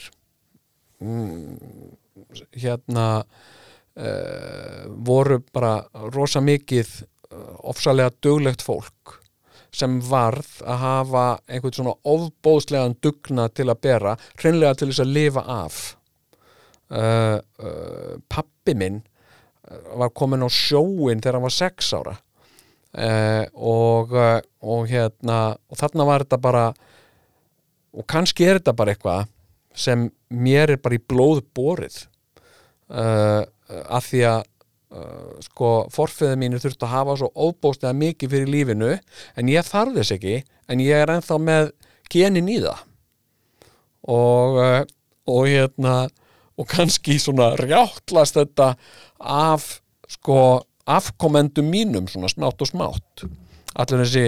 gríðarlegi dugnaður. Pappi minn var heljarmenni sko uh, og, og, og hérna og það er, það er bara sagt um hann. Uh, þeir sem að muna eftir honum og þeir segja gjarnan, já, hann var heljarmenni. Og, uh, og hérna sko upphandleikirnir á pappa voru svona svipar og lærin á mér sko. Og uh, enda bara alin upp bara frá því að hann fór að lappa sjálfur bara alin upp við erfiðisvinnu og sult. Og hérna og þessi mikli dugnaður pappa uh, var, var það sem að sko rendi stóðum bara undir mitt líf. Uh, pappi byggði hús yfir okkur eiginlega bara með berum höndum sko, hann bara Uh, vann fulla vinnu og vann síðan við að, byggja hús uh, og svaf ekki neitt sko. Og uh, og ef ég fer yfir það þá var það örglega um vor. Uh, og uh, og afi uh, hérna gatt kannski ekki gert mikið á veturnar uh, bara út af, út af kulda og, og, og veist, fyrir vestan. Og, hérna en hann gætt tekið til hendinu þegar hann voraði. Og og, sapnaði sjóði og, og undibúið sér fyrir næsta vetur með, með hörkudugnaði og örglega pappi hans og mamma uh, fram að því og uh, og amma hún, hún mátti aldrei sko uh, sitja aðgerralaus, hún var alltaf að hafa eitthvað fyrir stafni uh, og meira segja eftir hún var hún blind þá var hún alltaf að hafa eitthvað fyrir stafni gera eitthvað gagn, láta eitthvað þú veist, hún var alltaf prjónandi og, og hérna og maður er bara já, þú veist, ég er bara afurð þess og ég uh, og bara með að átta mig á því þá bara þungu fargi að mig létt. Þú veist, þetta er ekki lengur eitthvað eitthvað eitthva neikvætt og, og, og hérna, já, þetta er bara ofvirkni og hérna, þú ert að taka þetta lif og hitt lifið og laga þetta og eitthvað svona heldur er þetta bara, þú veist, frekar frekar flott, þetta er bara eitthvað sem ég ber með mér frá forförum mínum, sko, það var óbúslega duglegt fólk, ég þarf ekki að vera neitt svakalega duglegur en ég bara er það uh, vegna þess að þau voru það. Og bara svona heiðra þeirra minningu með því að gera alls konar. En uh, en hérna uh, en ég reynir samt ég reynir samt að sofa og uh, og hérna en það er, það er mér erfitt sko, ég sopna seint og vakna snemma ef ég sopna og uh, og hérna og þetta er bara alltaf verið uh, viðkvæmur hluti í mínu lífi. Og tala nú ekki um þegar ég er að fljúa á milli landa og svona bara alveg uh, hérna setur þetta allt á annan endan sko. Uh, hérna og, uh, og líka þegar ég var að byrja, þegar ég var ungur ég var að byrja að ferðast. Hérna, hérna ég var að ferðast þú veist, til framandi landa og ég hafði ekki tíma til að sofa sko, því að ég var að missa á svo miklu bara með að ég var að sofa, þannig ég var að var að sjá þetta allt. En, uh, en hérna uh, sko uh, uh, ég hérna já uh, uh, sefn og uh, já það, það sko þetta var ekki alveg það sem ég ætlaði að tala um sko. Ég hérna jú, ég ætlaði að tala þarna um um COVID-ið helvítið COVID-ið hérna og ég er búin að því og ég er búin að tala um svefn. En eitt sem ég var að hugsa hérna sko það er alþingi uh, uh, og uh, og svona ástandið á, á uh, alþingi sem sem uh, uh, vinnustað það var vera að gera nýlega einhverja könnun á hérna mm, svona áreitni sem að sem að starfsfólk alþingis telur sig að hafa orðið fyrir og, uh, og það, það sem sagt kemur í ljós að, að, uh, að tölur fjöldi uh, alþingis starfsmann alþingis bæði kjörina fulltrú og starfsfólks telur sig hafa orðið fyrir áreitni og einelti í starfi. Og, og hérna og þetta er þetta er svolítið merkilegt. Hérna sko vegna þess að,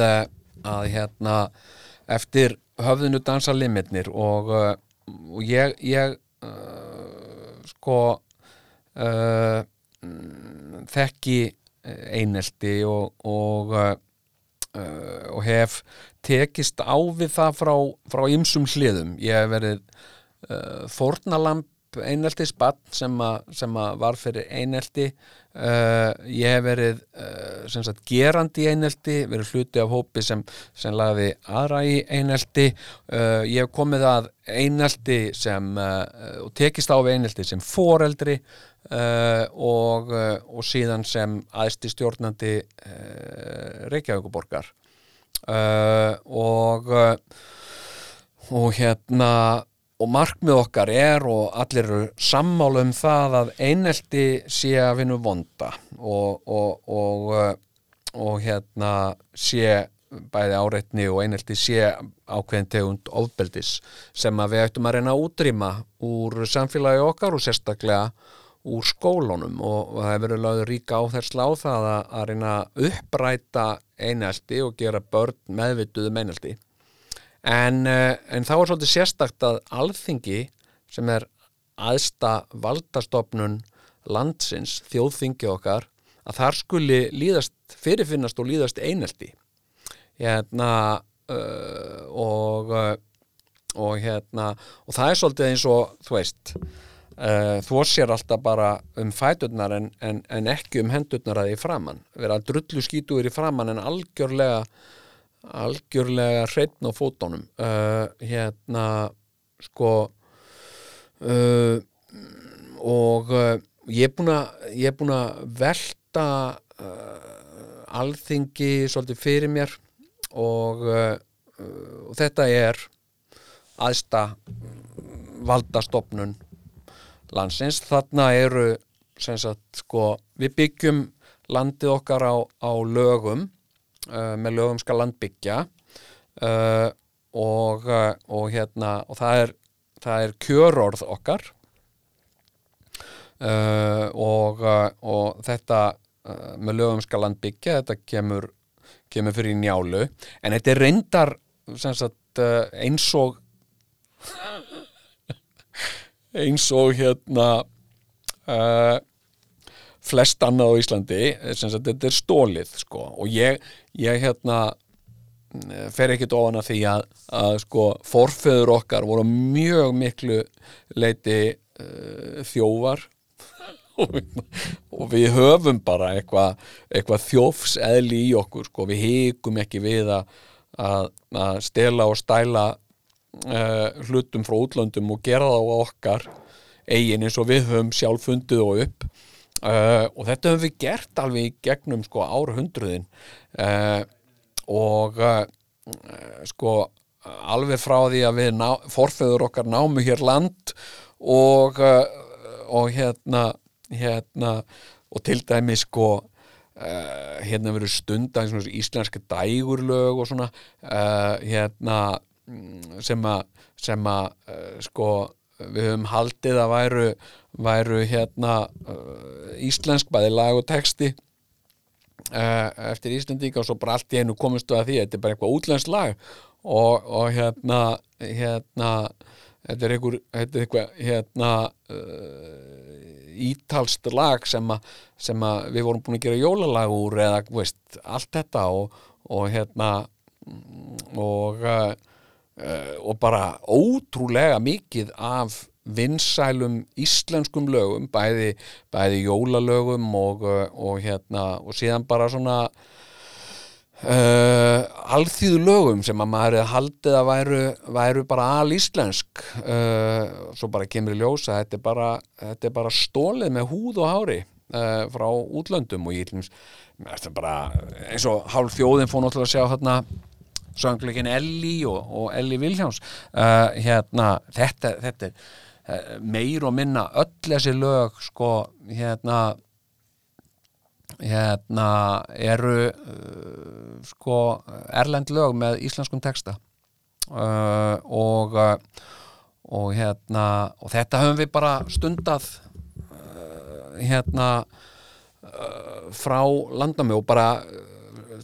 tekið hluti hinga til Íslands í einangrunina og talið sjálfum okkur og öllum öðrum trúum að við höfum fundið þetta upp. Og hérna og, og við erum ekkert að grínast með þetta sko. Hérna, hérna eins og koktelsósuna, ég meina þú veist, fólk verður í alvörunni sko uh, ég veit um fólk sem verður í alvörunni reitt yfir því uh, ef einhver heldur því fram að við höfum ekki fundið upp koktelsósuna, heldur hafa þetta bara komið hérna með kananum. Og, uh, og hérna sem er staðrind við, við vorum ekki fyrsta fólki sem datta snjallræði í huga ræra saman uh, uh, tomatsós og majónesi uh, hérna og, og, og heldur ekki nein afbrigði af því með því að setja slettu af sinneb eða eitthvað. Uh, löngu búið að gera þetta og hérna mm, og uh, öll okkar matarmenning til dæmis er, er er meir og mun að bara útgáfa okkar af matarmenningu þeirra þjóða sem að, sem að fólki kom frá sem byggði þetta landi upphafi. Og síðan þróaðist það náttúrulega upp og, og varð, þú veist, að einhverju, einhverju svona íslensku afbreyði uh, og, uh, og íslenska afbreyðið af, af, af, af matnum er yfirleitt þannig að uh, að hérna sem sagt uh, það, er, það, er, það er minna af, af krytti í okkar okkar útgáfu heldur en í útlensku útgáfinu bara vegna að við höfum í gegnum tíðina haft minni aðgang að kryttum og, uh, og hérna aðeins fátakari og okkar útgáfara fátakari og uh, það er bara tvent sem að í íslenskri matamenningu sem mér hefur ekki tekist að, að rekja til annara landa. Og það er uh, Kestur Hákall. Ég hérna hef ekki fundið neinmerki um neina aðra sem, sem borða þetta. Og svo furðulegt nokk laufabröð ég bara sagt, þarna eru tveir hlutir sem við höfum sannarlega fundið upp. Uh, allt hitt sko meira segja þetta geima hluti í misu uh, sagt uh, síra kjöt og og svona það, það þekkist alveg í öðrum löndum og hérna og hérna uh, og náttúrulega vakka vestrætnar siðmenningar er er fyrir botni mið, í löndunum fyrir botni miðjarhaf sem er núna uh, Greikland og, og, og, og Tyrkland og hérna uh, og mjög mikið til minnst bara á okkar mat kemur þaðan uh, þessi, allt þetta sem að þetta bæði sem, sem er blóðmör og livrapilsa sem kallum slátur að, að, að, að sauma ákveðna hluta af af, af, af rollum saman og, og sjóði í potti uh, hérna uh, kemur þaðan Uh, og er til svona ímsar útgáður að þessu og síðan þróaðist þetta yfir í, í svona bjú og pulsur og, og hérna þetta er bara stór hluti af matarmenningu Evrópu uh, eins og haggis uh, í Skotlandi hérna og svo er þetta til í einhverju, einhverju útgáfi í Tyrklandi svið. Það er líka frá botni miðarhafs það er að svíða hérna sko uh, hausa af, af, af rollum og, og hérna geitum. Og, uh, og hérna en, uh, en hérna já, ég var að tala um með, með lögumska landbyggja. Vá hvað ég mikið en hérna uh, með lögumska landbyggja er sem sagt uh, frasi frá uh, frá Róm og, og er frá sem sagt frasi í rauninni frá kathólsku kirkjunni uh, úr sagt, kirkjurétti. Kirkjuréttur er, er, er, er fyrsti, fyrstu lögin sem að verða til hér, að minnstastu hér á Vesturlöndum. Og hérna, og flest lög í, í löndum eiga uppruna sinn í kirkjurétti í rómarétti. Og hérna og þar er þessi frasi með, með lögum skalland byggja. Uh, og hann er eiginlega þýttur bara orðrétt úr, úr uh, latínu sko. Uh, hérna stór merkilegt hérna en uh,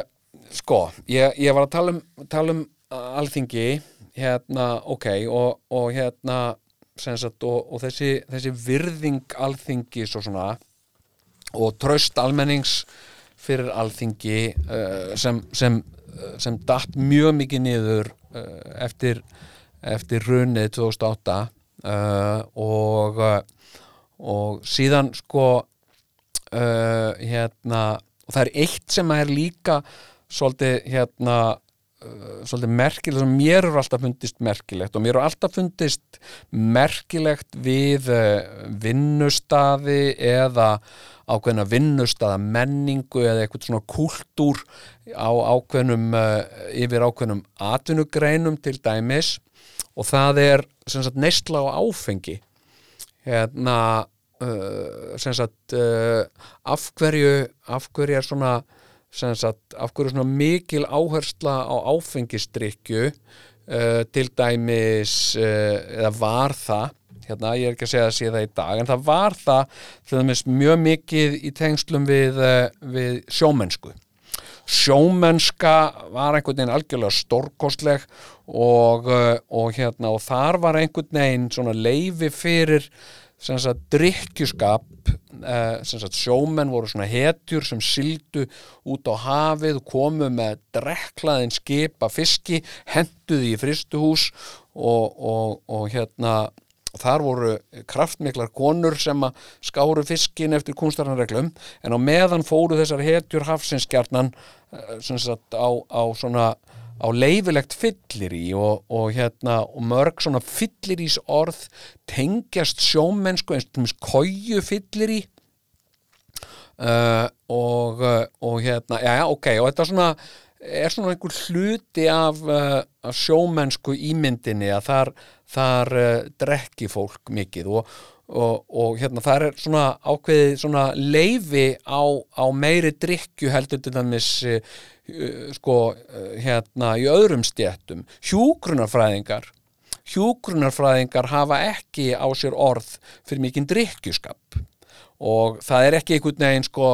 þú veist hann var kraftmikil hjúka og alltaf til í aukavakt hérna, og, og þegar hann var ekki á aukavakt þá var hann fullur, eitthvað svona.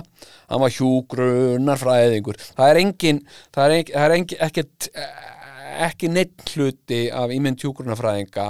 að drekka aðra sko, góður hjúgrunarfræðingur er ekkert merkilegri fyrir að drekka annan hjúgrunarfræðingur til borðið. En, en hérna en hérna það er ekkert gert ráð fyrir því. Og, og smiðir til dæmis uh, það er ekkert lagt mikið upp úr því að að, að, að sko smiður sé harduglegur en svo hrinjan í það og það sé einhvern veginn eðlilegur hluti af því að vera smiður eða, eða blikksmiður sko, þú veist, hann alveg skoleðis hamaðist á þakkinu þá hann var búin að hann var búin að uh, setja bár og allt þakki en það áhrundan líkið það og, og en hann átti það líka skilið eitthvað svona sko. Uh, en hérna en þetta hefur loðað við sjómennsku og síðan er annar svona menningar afkimi þar sem að drikkjuskapur uh, hefur uh, liðist og bara þótt bara eðlilegur og, og hérna og er það sagt, og það er sagt sko þegar maður er að fara í flug uh, hérna yfirleitt drekkur fólk ekki áfengi nema sagt þegar, þegar að með mat eða á kvöldin eða um helgi, eitthvað svona. En ef það er að fara í flug þá getur það verið að sko bara hella í sig sterkjundur ykkur bara með morgumatnum sko, sem það myndi aldrei gera sagt, heima hjá sér, eða líklega ekki, en þarna er svona leifi á það, hérna sko ef ég myndi sitja ef ég myndi sitja á Kaffi París á þriðjudagsmótni klukkan hálf tíu eh, með stóran bjór eh, þá myndi fólk horfa á mig og hugsa já hann Jón hann er líklega alkoholisti og hérna uh, en ef ég væri á uh, leifstöð uh, og sæti þar á, á bar uh, sem héti kannski Café Paris með nákvæmlega sama fólki uh, og væri á Café Paris í Össustræti og væri þar að drekka stóran bjór þá væri það ekki það væri ekki, fólk væri ekki mikið að velta því fyrir sér það því að það þykir bara svona eðlilegt. Og á flugvöllum er líka einhvern ákveði tímaleysi sem er líka í áfengi uh, hérna og uh, og hérna, já ok en sagt stundum eru í samfélagi okkar manna uh, svona hérna kvatar til drykju uh, það er að segja að það sé ekkit óeðlilegt við það að fá sér eitt gráan og, og hérna uh, og oft er þetta tengt einhverju svona erfiðum viðfangsefnum eða, eða sem sagt fagnaðarháttíðum við erum að fagna einhverju og og hérna uh, og mér hefur alltaf fundist svo sérkennlegt hvað uh, sko svona uh, áfengisneisla verðist uh, líðræði og stjórnsýslu. Mér finnst það mjög aðeglisvert sko. Og hérna og mér finnst oft sko hérna já svona ég tek eftir þessu svona með, með alþingi það virðist vera, ég hef aldrei verið þarna. Já, sem sagt, ég hef komið inn í alþingi en ég hef aldrei tekið þátt í þessu lífið þarna. En það virðist vera uh, mikið drukkið þarna. Og uh, og hérna, það virðist einhvern veginn vera svona bara uh, viðurkent og, uh, og ég hugsa að það sé svona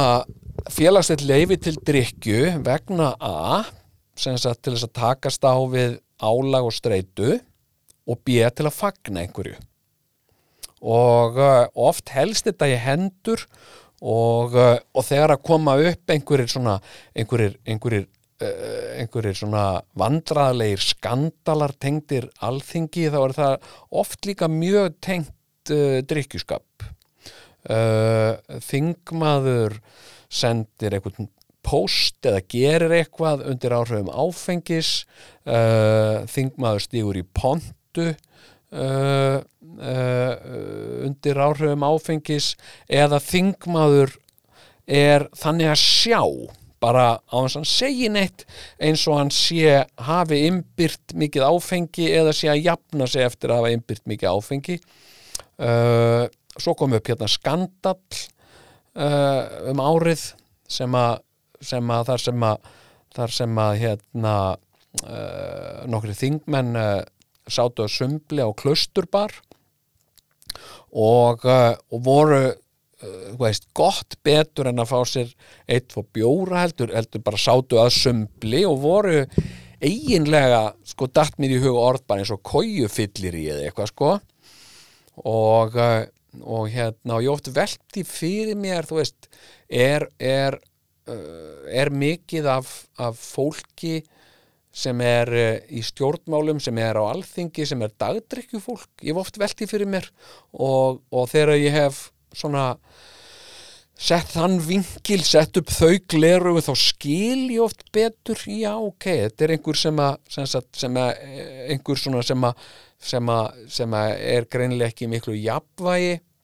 uh, hefur hægt um sig á tímabilum en skýtur síðan allt í einu upp kollinum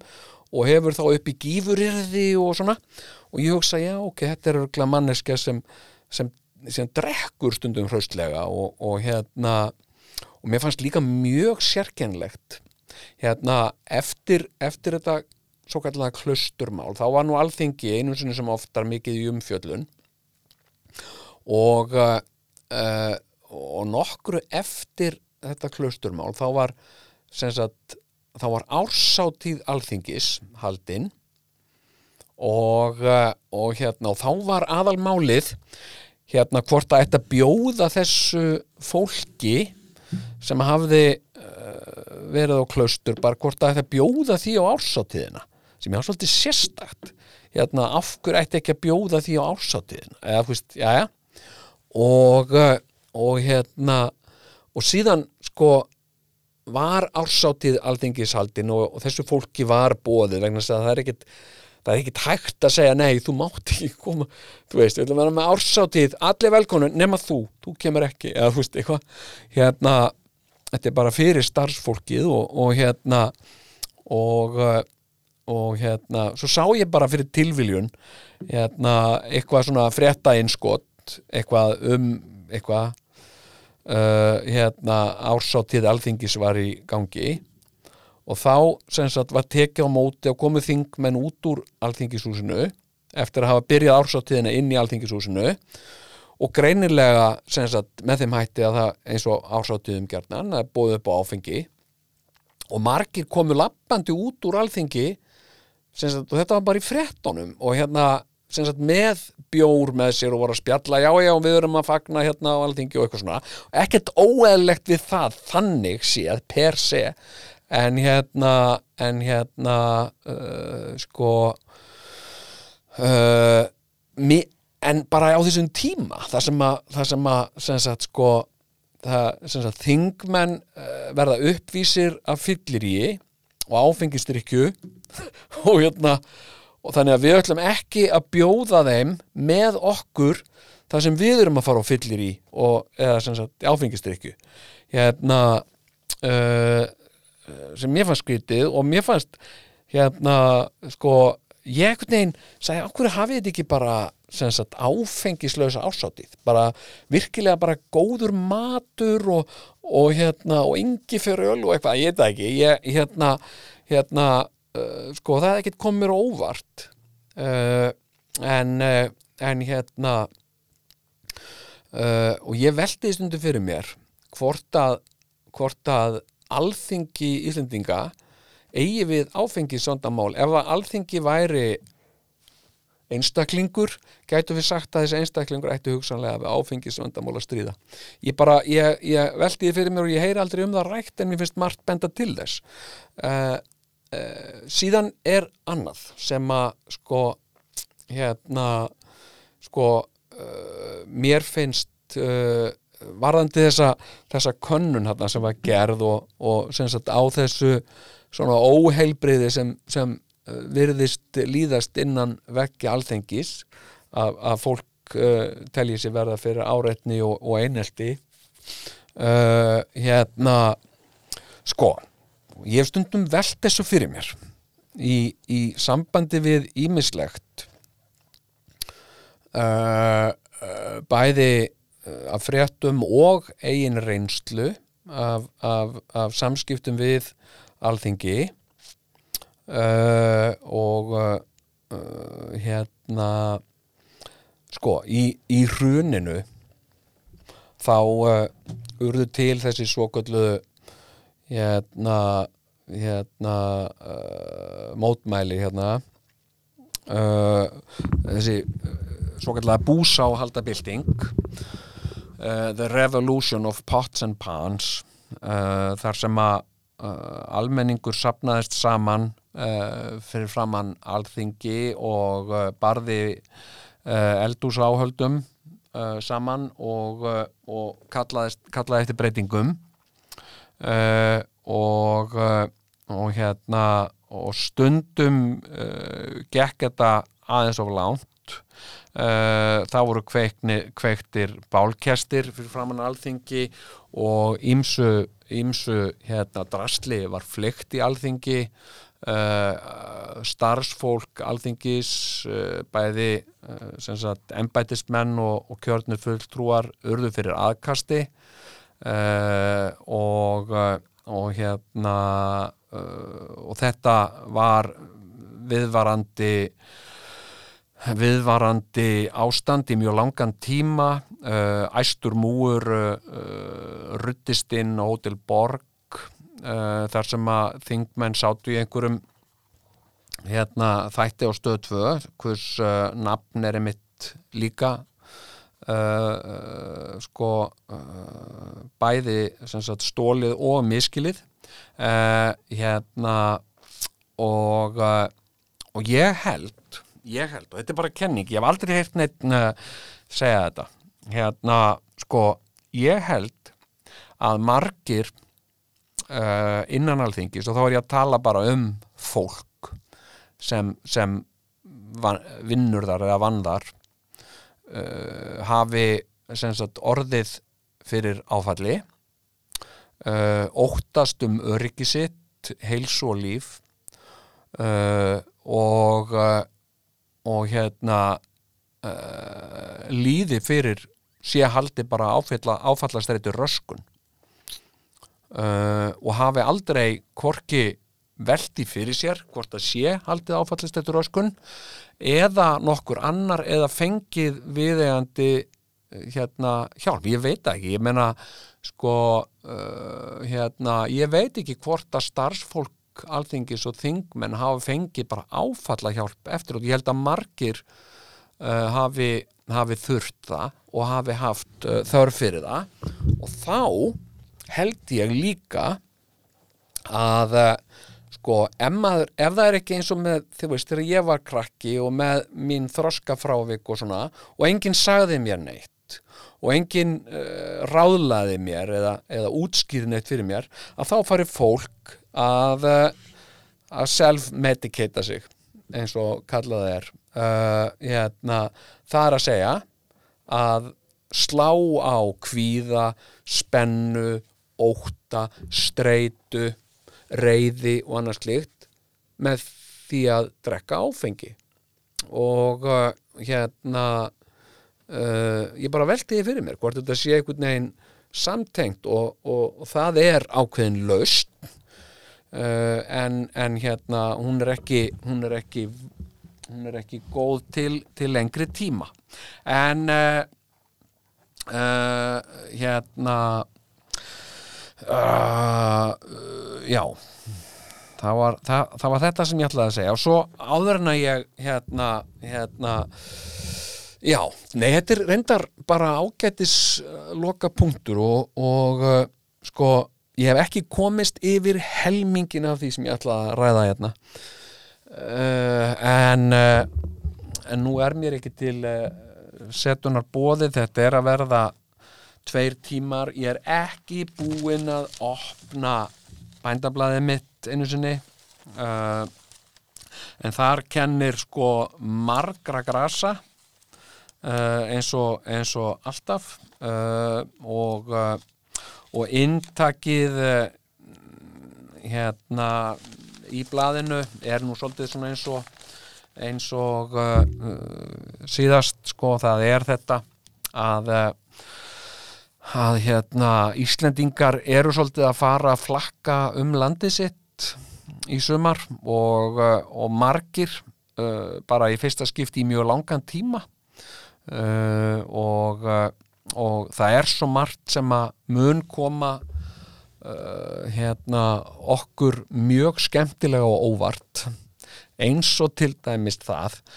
Uh, eins og ég sagði nú í síðast þætti hvað það er orðið ógæðslega erfitt að fá reglulega vondan mat á Íslandi sko. hérna uh, og, uh, og þetta er svolítið bara orðið eins og sko, ég menna, þú veist hérna, þegar ég var alast upp, þá var allt kaffi vond það var alveg sama hvaðan það kom, það var allt vond og hérna uh, og maður grínaðist með það oft og maður hérna uh, grínast með það hvort væri verra kaffi sko að því að ég og Sigurjón Kjartansson við sagt, unnum báðir á landsbyttalanum þegar við fórum að vera með þætti á rúf og við gerðum ekki grína því sagt, að metast um það hvort væri verra kaffið hérna rúfkaffi eða landsbyttalakaffi og hérna uh, maður þurfti ekkert að leita eftir því að fá vond kaffi en þess að allt kaffi var bara vond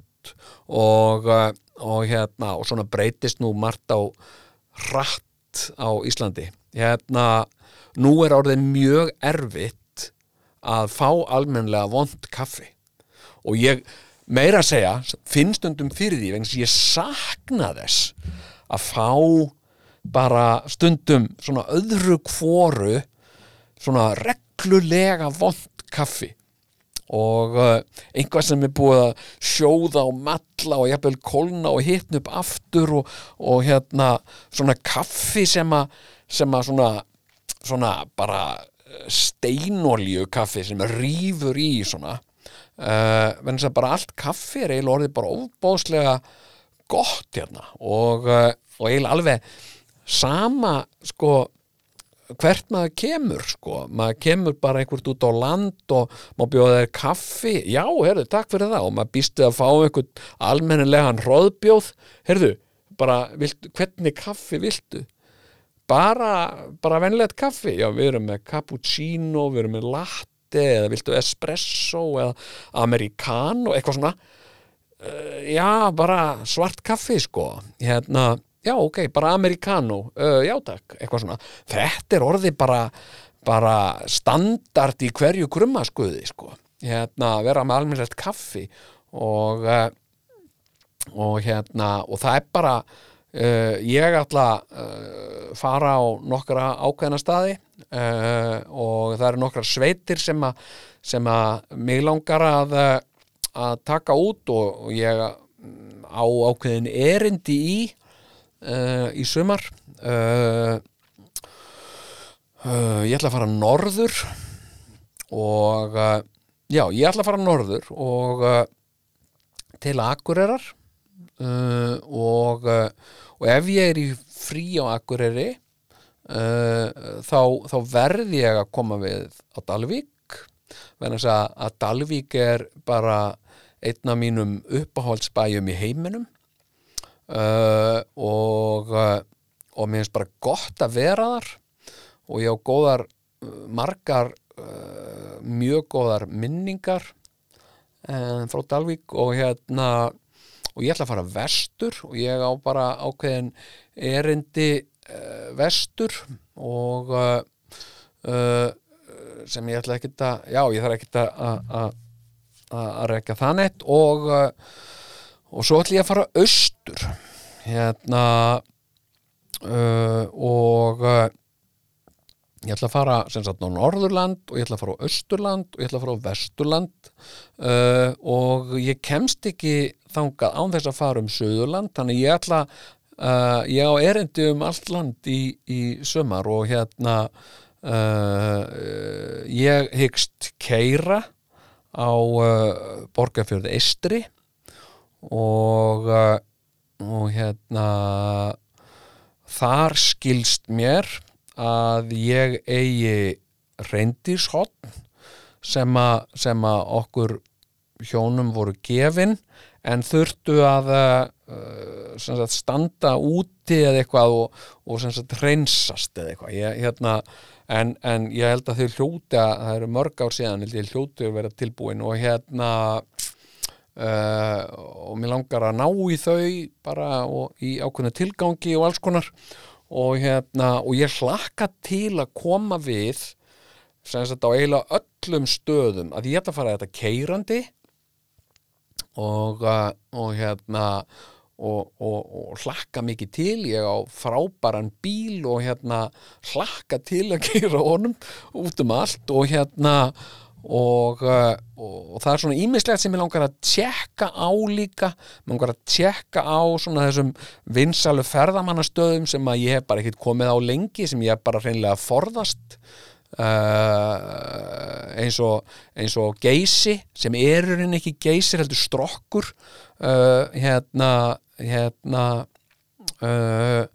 og margir sem halda þeir séu að taka mynd af geysi gjósa er að taka mynd af strokki gjósa. Uh, og hérna og ég ætla bara svona að sjá þetta svolítið sjálfur, ég ætla bara svona að skoða þetta og þetta með ágang og hvort eitthvað hefur breyst og svona, ég hlakka mikið til uh, og bara upplifa uh, landið mitt og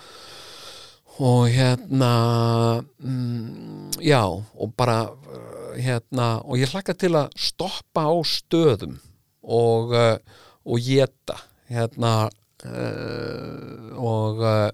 því að það eru komnir svo mikið af, af, af veitingastöðum sem að bara hérna einhver staðar út á Íslandi sem að sko ef þeir væru í einhverju stórborgi útlöndum þá væri verið að skrifum þá. Sem sagt bara lærðar greinar vegna þess að matreislan þar er á heimsmæli kvarða og, og hérna uh, og ég bara hlakka til uh, að, að heimsækja þessa staði og, uh, og, og, og geta þarna og tala við fólkið og, hérna uh, ég er og margir, þú veist, ég hef uh, sko svona ég ferðast uh, eitthvað vinnuminnar vegna farið eitthvað svona uh, út á land uh, hérna til að lesa upp eða, eða leiki einhverju eða, eða taka þátt í einhverjum hátíðum og eitthvað svona. Og það hefur eiginlega allt verið á veturnar sko. Uh, og, uh, og hérna og ég hef keirt svona afmarkað á sumrin sko en ekkert, uh, þú veist, ég hef ekkert komið í þórsmörk eða skaftafell eða, uh, eða upp að gullfossi eða neitt, bara mjög lengi sko og uh, þingvelli kannski, ég farið það uh, hérna skotist á þingvell og svona bara treysta mín heitt en uh, þannig ég hlakka til og hlakka til að hitt ykkur öll og, og hérna og líka taka við sko rósum fyrir, fyrir þáttinn. Uh, ég hérna ég var smá svona efins þegar ég byrjaði með hann þátt pæliði, nú, nú er svona korter síðan ég sagðist vera að fara að hætta og hvað hérna uh, ég var smá efins þegar ég byrjaði með hann þátt að fólk myndi nenna að hlusta á mig röfla um allt og ekkert uh, hérna tímunum saman. En uh, og hérna og ég hugsaði alveg, þú veist, þetta er svona tilraun og, og hérna og þetta er eitthvað svona sem bændablaðið er að gera og svo segja svo kemur einhver bara frá bændablaðinu bara og segir, eru, já, þetta var nú flott tilraun hjá okkur Jón og takk fyrir að taka þátt í þessu með okkur en, en hérna en hérna við verðum að hætta þessu það er engin að nennar hlusta á þetta og svona. Já, já, já, ég skil það vel og og hérna, en svo kemur í ljós bara að fólk er að hlusta á þetta og, og hérna, og hefur bara gaman að þessu og, og hérna, og ég verið að heyra frá fólki, fólk hefur verið að senda mér posta og endilega uh, uh, sendi mér posta hérna uh, sko á uh, kauffélagið at uh, bondi.is og það er og það er ég, kauffélagið at bondi.is ég fengið nokkra pósta og ég hef sagt við fólk sko, ég vil fá rós uh, uh, en ég er alveg opinn fyrir gaggrinni en, en kvartanir vil ég ekki ég kæri mig ekki um kvartanir. Ef að fólk hefur, er að hlusta á þáttin og hefur einhverju yfir að kvarta uh, þá getur það komið kvörtunum sínum á, á, á, á framfæri við bændasamtökin. Og, og það er bara bændasamtókin at bondi.is og, uh, og ef það vil kvarta eða hvetja til þess að ég verið tekin úr loftinu eða eitthvað svoleiðis þá um að gera beina því þanga, ekki til mín. Ég, ég uh, nenni ekki að lesa kvart uh, hérna uh, og mun í bestafalli bara lesa það upp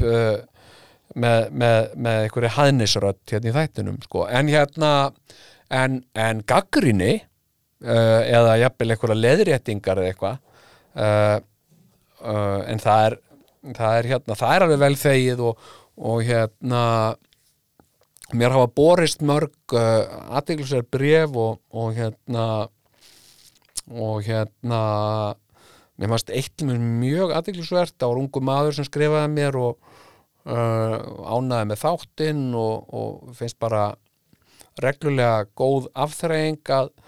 að, uh, að svona dunda sér eitthvað og hafa jóngnar röflandi um allt og ekkert yfir sér. Og, uh, og hérna og hann var að segja þessi ungi maður að, að það veri draumur sinn uh, og hefði verið lengi að uh, sagt, uh, verða söðfjárbúndi þegar hann yrði fullorðin og uh, læra til búfræði og, og bara uh, sagt vera söðfjárbóndi og uh, en honum fyndist núna eins og þetta væri kannski svolítið óraunhæft framtíðarmarkmið vegna þess að söðfjárbúskapur væri á undanhaldi og þetta kom mér svo óvart. Hérna, hérna uh, sem sagt að einhvern veginn sko, maður hefur einhvern veginn ímynda sér að, að einhver ákveðin atvinnugrein á Íslandi muni leggja staf í framtíðinu vegna þess að hún verði vélvætt og, uh, og, og, og vélmenni eða róbótar muni bara taka yfir jobbið manns. Uh, en sem sagt að eitthvað svona einhver svona grundvallar uh, gr- hérna, starfsgrein á Íslandi og,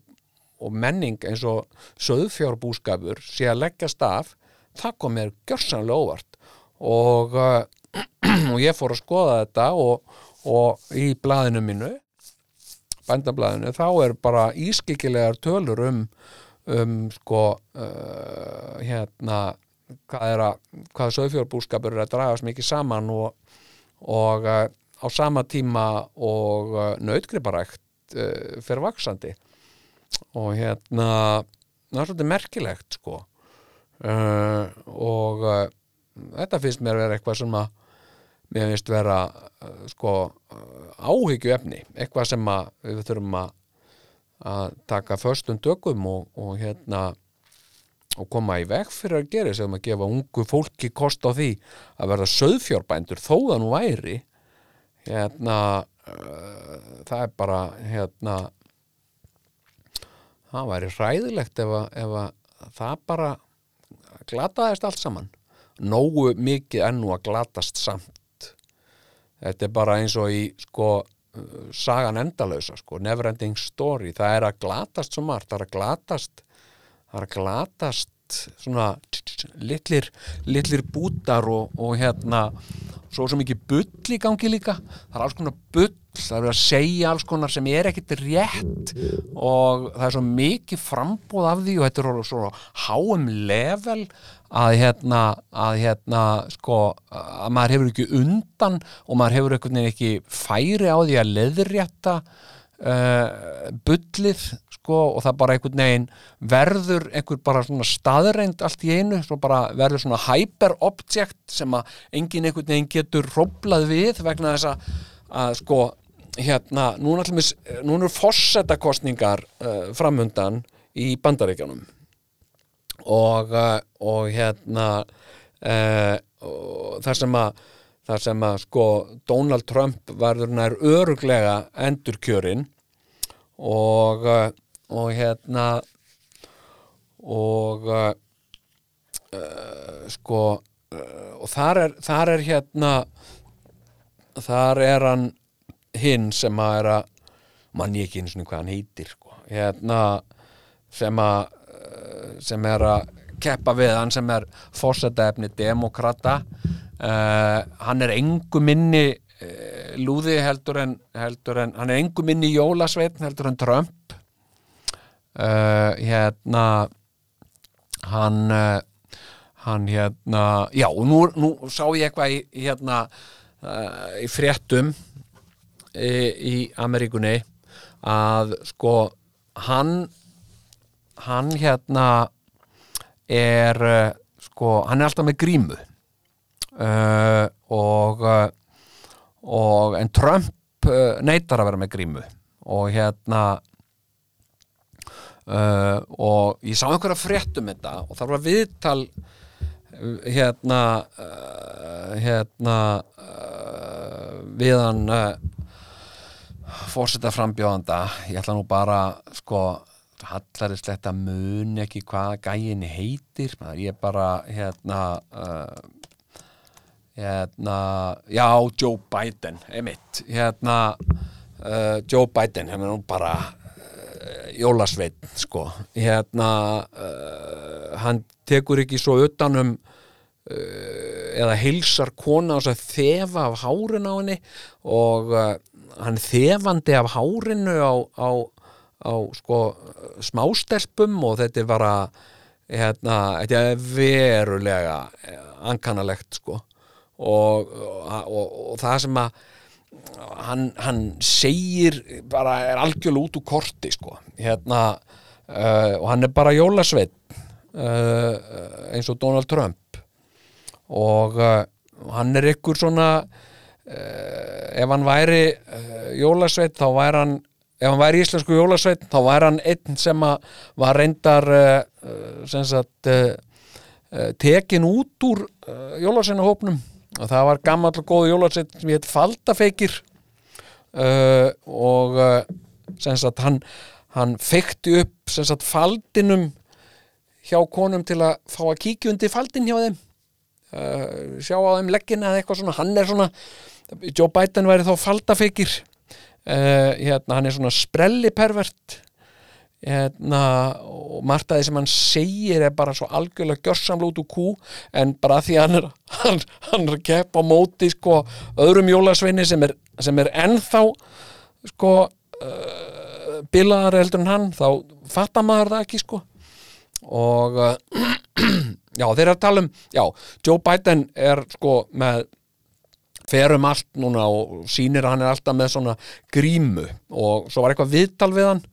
og þá var hann að segja að það er allir vísindamenn sammálum það að við höfum öll að vera alltaf með grímu og eitthvað svona, þetta er bara bull. Uh, það er ekkit allir vísindamenn sammálum það að við höfum öll bara alltaf að vera með grímu alþjóða heilbreyðistofnunin uh, og fleiri svona vísindastofnanir hafa gefið út að leiðbenningar að ef við séum kvefuð eða með hósta uh, þá eigum við að vera með grímu uh, til að til að hérna, verja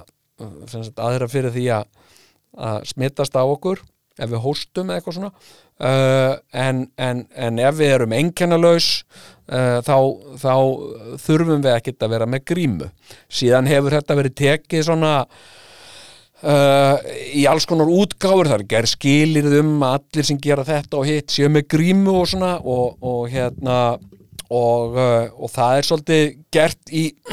í þeim tilgangi hugsa ég að, uh, að hérna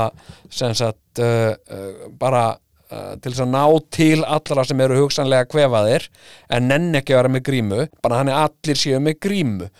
Og, og hérna og það er ákveðin, ákveðin hérna, sefjun í því. Og, og svo annað með þessa grímur að gríma er ekki bara gríma. Sko hérna uh, þú veist það er hérna sko grímur til þess að gagnast að það þarf að uppfylla ákveðina staðla, svona grundvallar staðla og, og hérna og hérna uh, heilbriði starfsfólk notar ekki grímur sem það kaupir bara út í næstu búð. Þetta eru, þetta eru, þetta eru andlitsgrímur sem að uppfylla ákveðina staðla uh, og og hérna og, og grímur sagt, þurfa að ná yfir vitin. Þar þurfa að hilja hökuna og munnin og nefið.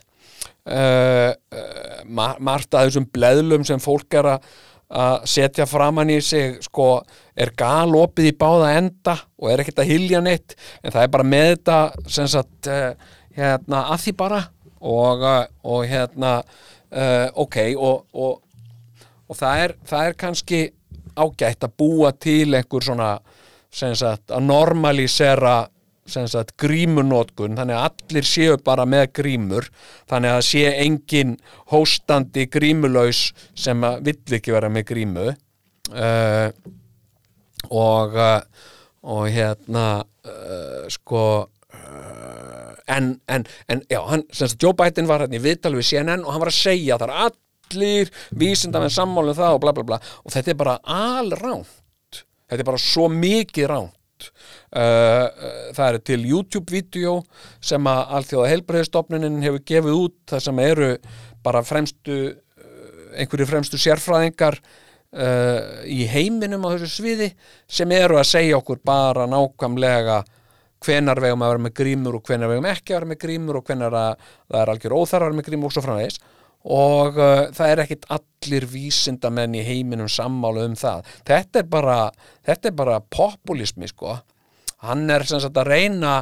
sem sagt sko, hann ætlar að vera með grímufólkin í liði. Við sem erum öll hérna með grímu að því að við erum, við hlustum á vísindamenn, við erum samfélagslega ábyrg og ég er eitthvað leðtói þetta er eitthvað svoleiði sko. Uh, og menna Trump er að, er að reyna að vera í liði sem sagt sko með þeim sem að sem að er ekki með grímu ef þeir sem sagt, já sem, sagt, sem er ekki með grímu en ég held samt að hann skilji, hann sé svo vittlaus ég held að hann sé ótrúlega vittlaus náðungu, ég sé mörgmerkið sko. Hérna uh, hérna, já bara þá er ég að meina bara nöyt heimskur sko. Uh, sko, ég held að hann skilji ekki munin á því að vera, veist, kvefaður og með hósta og með grímu eða vera bara alltaf með grímu. Uh, og ég held að hann skilji ekki einu sinni, ég held að hann sjá engan mun á svona uh, bleðli sem þú, sem þú tegir framann í aftan í þess, svona hókus pókus grímu einhverju eða alvöru hérna sjúkurháskrím, ég held að hann sjá engan mun á þessi, hann viti ekki um þetta sko. Og hérna, og honum finnst hann bara astnalegur einhvern veginn að því hann er ekki með með hérna grímu sem passar við, við hárið á honum eða eitthvað, en hérna en hérna uh, hann er að reyna að vera einhvern veginn í liði með öllum sem eru sko, hérna, láti ekki segja sér fyrir verkum og bara eru ekki með grím og eitthvað svona. Hérna, og þetta er svo mikið, svo mikið bull og, og hérna og svo talandum fórsetakostningarnar sko, hérna hann í bandaríkjum, svo eru fórsetakostningar hérna á Íslandi og uh, hérna uh, sem sagt fórseta embættið, þetta er alveg þetta er alveg merkilegt embætti en þetta var svolítið búið til vegna þess að okkur vantaði einhvern til að koma í staðin fyrir kongin þegar við klufum okkur uh, frá Danmörku. Sem sagt sko þá var þetta fram að því, þá var þetta þannig að alþingi samþykti lög en þið tók ekki gildi fyrir en kongurum var búin að undirrita þau og uh, síðan þegar við uh, sem sagt á meðan að nazistar voru með, eftir að nazistar höfðu herrtekið hérna Danmörku uh, þá uh, notuðum við svolítið tækifærið uh, og listum yfir sjálfstæði. Hérna, það hafði náttúrulega staðið til en það var blásið í það. Og, og hérna og mörgum fannst þetta nú svolítið svona taktlaust af okkur að gera þetta á meðan að, meðan að Danmörk sem sagt var að gangi gegnum þessa niðurlægingu uh, og það hefur verið bent á það nýverið að þetta hafi nú líklega verið gert með þessum hætti vegna þrýstings frá bandaríkjónum frá bandaríkja fórsetta sem vildi tryggja yfirráð sagt uh, hernaðalegi yfirráð yfir Íslandi áður en að nazistar fær eitthvað að pæli þeim. Og hérna, já já. Uh, og og hérna já, en, en sem sagt fórsetta embættið er rosalega spes jobb. Uh, við ráðum einhverja mannesku í þetta sem að sko fær, fær sagt uh, hérna húsnæði hérna út á Áltanesi og einhver staðar hérna í bænum. Uh, hérna og uh, og og og hérna uh, og einhver, einhver laun og, og svona launar hlunnindi þannig að viðkomandi fær þessi laun bara það sem viðkomandi á eftir ólifað. Uh, og, uh, og hérna uh, það veit engin almennilega sagt uh, hvernig uh, hvernig forsetin á að vera. Það er ekki til neitt svona skýr lög um það. Það er eins og með margt í íslenskum lögum. Þetta er bara sagt einhverju einu orði sem þetta er að túlka á útalvegu hérna uh, eins og einu lögin til dæmis um Reykjavík er, veist, Reykjavík skal vera höfuðborg Íslands, punktur ekkert meira, hérna, hvað það þýðir að vera höfuðborg og, og, og hvað borgin á að gera og hvað hann á ekki að gera og hvað peninga fær borgin fyrir að gera það sem að segja að gera, það er ekkert skilgreint sko og það er svolítið sama með, með forsetan sko, en það mótast sko embætið mjög mikið að þeirri personu sem að gegnir í hverju sinni uh, hérna uh, þegar að frú Vigdís var, var forseti þá, þá, uh, þá var embættið svona svolítið virðingar það var svolítið virðingar mikið og það var svolítið svona sko ég held að Vigdís hafi örglega verið fyrst í íslenski forsetin sem að var bóðið til Danmerkur verðin þess að uh, þetta sat eitthvað í dönum sko uh, og, uh, og Vigdís varð svona svona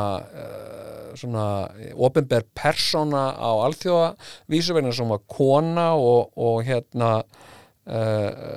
fyrsta líðræðislega konan sem var kosin í embætti forseta og, og hérna og þetta var svolítið sérstakt og hérna og, og Vigdís svolítið bara svolítið stóð fyrir þetta. Hún var og er uh, hérna uh, mentuð og elskar Ísland og, og talar frönsku. Og þetta var eitthvað svona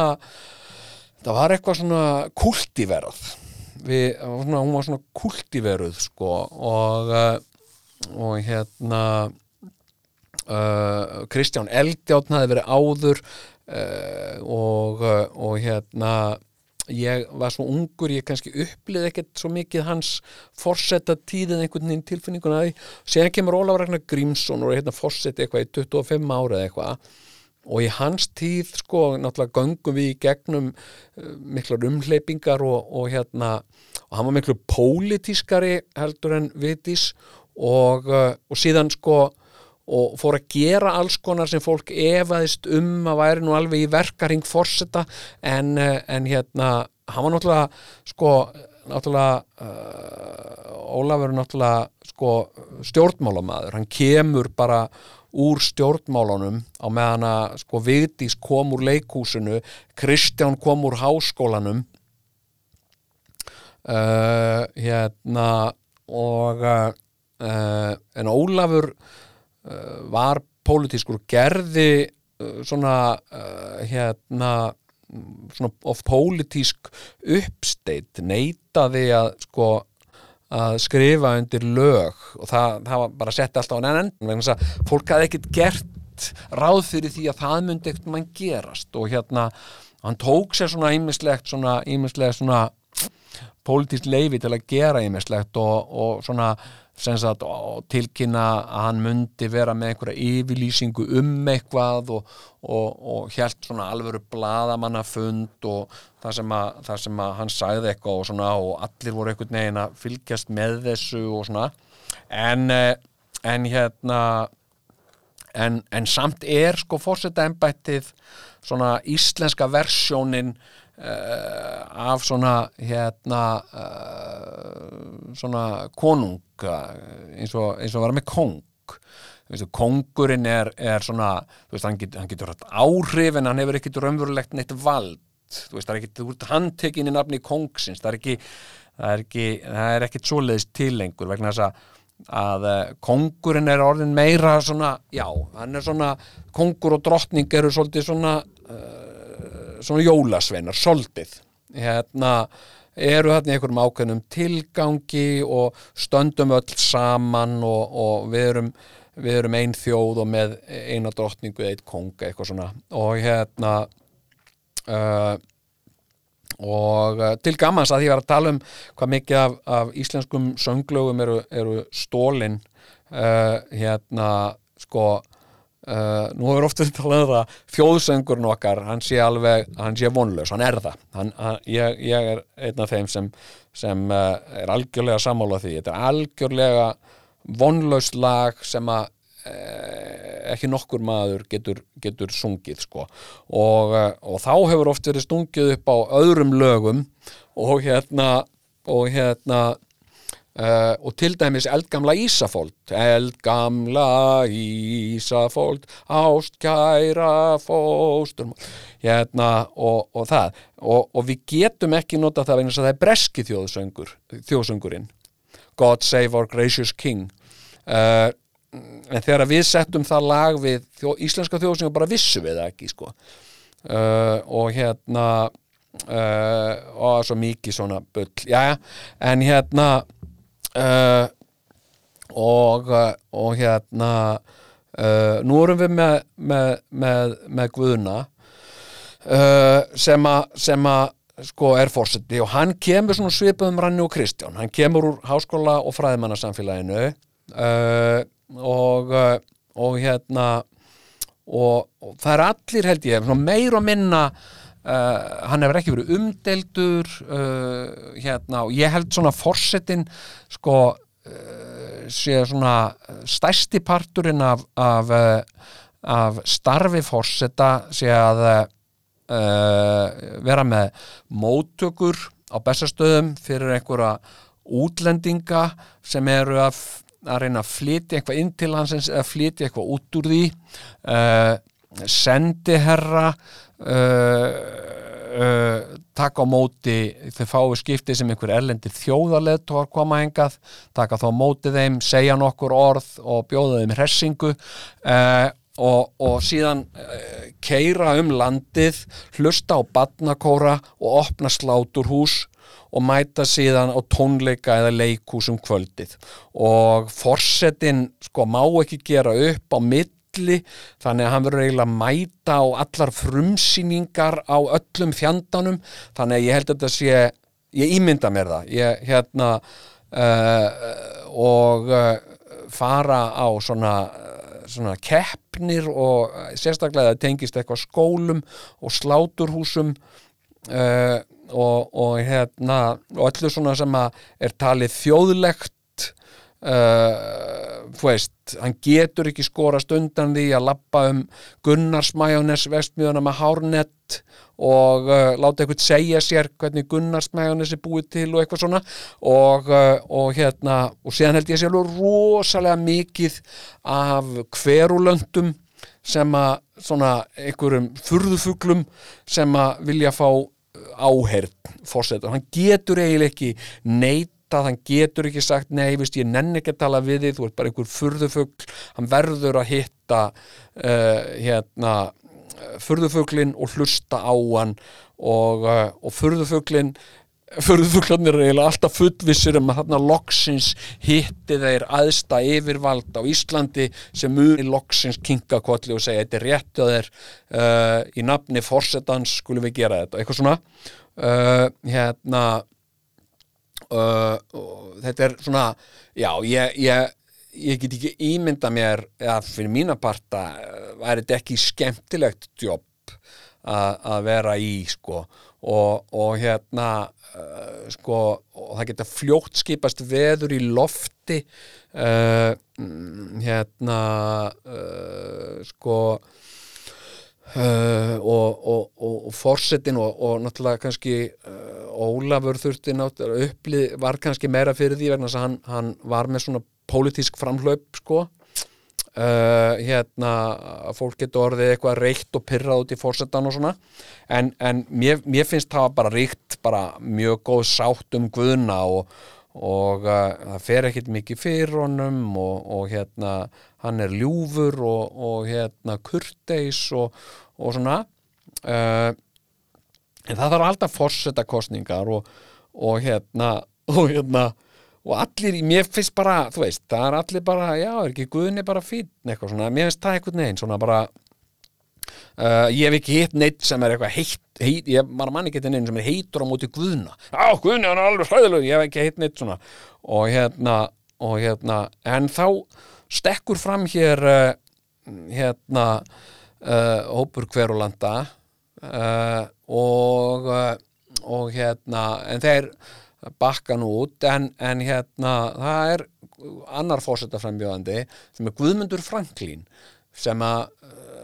sem er svona einhver business kall og hérna uh, og er búin að vera vasast í alls konar business og, og hérna uh, og stopnaði einhvern stjórnmálarflokk sem að, sem að hérna fekk ekkert fylgi þannig að hann gafst upp á því og, uh, og hérna hann stígur fram og, og hérna og hérna kjósið mig og hérna uh, og ég hugsaði veist, veist, það er engin að fara að kjósa þig þú veist, bara einhverjir þú veist, tíu vinnir þínir sem þú byður um það eða eitthvað en hérna, eða, eða eitthvað sko og uh, er ekki bara guðni fítn, er þetta, þú veist hvað hva er málið og eitthvað svona? Og, og hérna hann er svona, þú veist, hann er komin að stað með þetta og þú veist, og með myndir og, og hérna, ég er rétti maðurinn hérna eitthvað hérna uh, Guðmund á Bessastadi og eitthvað og hérna og, og hérna uh, og ég sá eitthvað þeir voru í einhverjum, einhverjum kappræðum með eitthvað í sjónvarpi og eitthvað og þetta er hluti Guðn, fórsetin getur ekki sagt nei en enn eða þess ekki, hann verður að mæta þarna uh, og tala við Guðmund vegna þess að það er bara svolítið svona það sem að þetta, þetta jobb krefst af þér að þú þurfi bara einhvern veginn að sitja þarna og, og hérna og, og allir halda að þú ráður einhvern þú gerir það ekki og einhvern veginn en vera bara svona almennilegur og, og, og svona hlýr einhvern veginn. En, eh, en hérna uh, þú veist, auðvitað langar hann til að segja bara, veist, ég nenni ekki ég veist, ég hef engan tíma, ég er að fara að víja hérna sláturhús uh, og ég hef engan tíma til að ræða við hennan guðmund, en það verður að gera það. Og þetta er allt svona virðingu við eitthvað. Og hérna og hérna og ég var að pæla, veist hvað er þessi guðmundur að pæla, hvað, veist langar hana langar hana hérna uh, fókipis og sinfoníuna eða veist hvað er hana svo fór ég allt í hennu hugsa, en þetta er briljant move sko. Hérna, hann er eitthvað svona business gæi og, uh, og hérna og hann fer í, veist býður sér fram og, og hérna og líklegast af öllu sem það tapar fyrir guðuna þess að allir segja bara, já, bara er ekki guðni bara fín og hérna uh, og uh, og hérna en hann fær aftur á móti hann getur sett í ferilskrána sína að hann, uh, hann hérna hafi lent í öðru sæti í forsetakostningum sko. Og, og það skildum við ekki vannmeta ef maður er í business sko og, og, og maður vill uh, sem sagt uh, koma vel fyrir og, og svona vera aðtiklisverður og svona þá er það ekkert smá að hafa lent í, í sko öðru sæti hérna og, og vegna þess að útlendingar þeir hafa oft þessa ímynd af okkur Íslendingum og hérna ég hef sagt frá því til dæmis, vinur minn, mjög góðu vinur minn í, í hérna sem, sem býr í bandaríkjónum og uh, hérna kemur stundum til Íslands og þegar ég var hérna þegar vaktaserjurnar voru þá var hérna þarna utan á stöð 2 hérna í Skaftahlíð hérna, hérna gamla, gamla Lító húsinu hérna, hérna þá var rísastórt eh, plaggat af mér sem Georg Bjartfreðarsson og við vorum með svona keira Nei, ég var bara að ná í hann út á flugvöll maður. og hérna, og við vorum að keira hérna, uh, miklubröðina sér hann plaggatið og, og horfir á mig og svo öskraði hann bara hérna og, og sagði þú ert ógæðslega frægur hérna. Og, og ég var að segja við hann og, og þá var hann náttúrulega þú veist að bera þetta saman við bandaríkin. Ef það er sko heill hús, húskap vekkfóðraður með smettin á þér í bandaríkjanu þá ertu þú veist, þá ertu celeb sko, en ég var að segja hann, já, nei, nei, þú veist it's different in Iceland. Og hérna, hérna og uh, og hérna, það er það er ekki til og þetta, það er algjörlega tilbúið, það er ekki til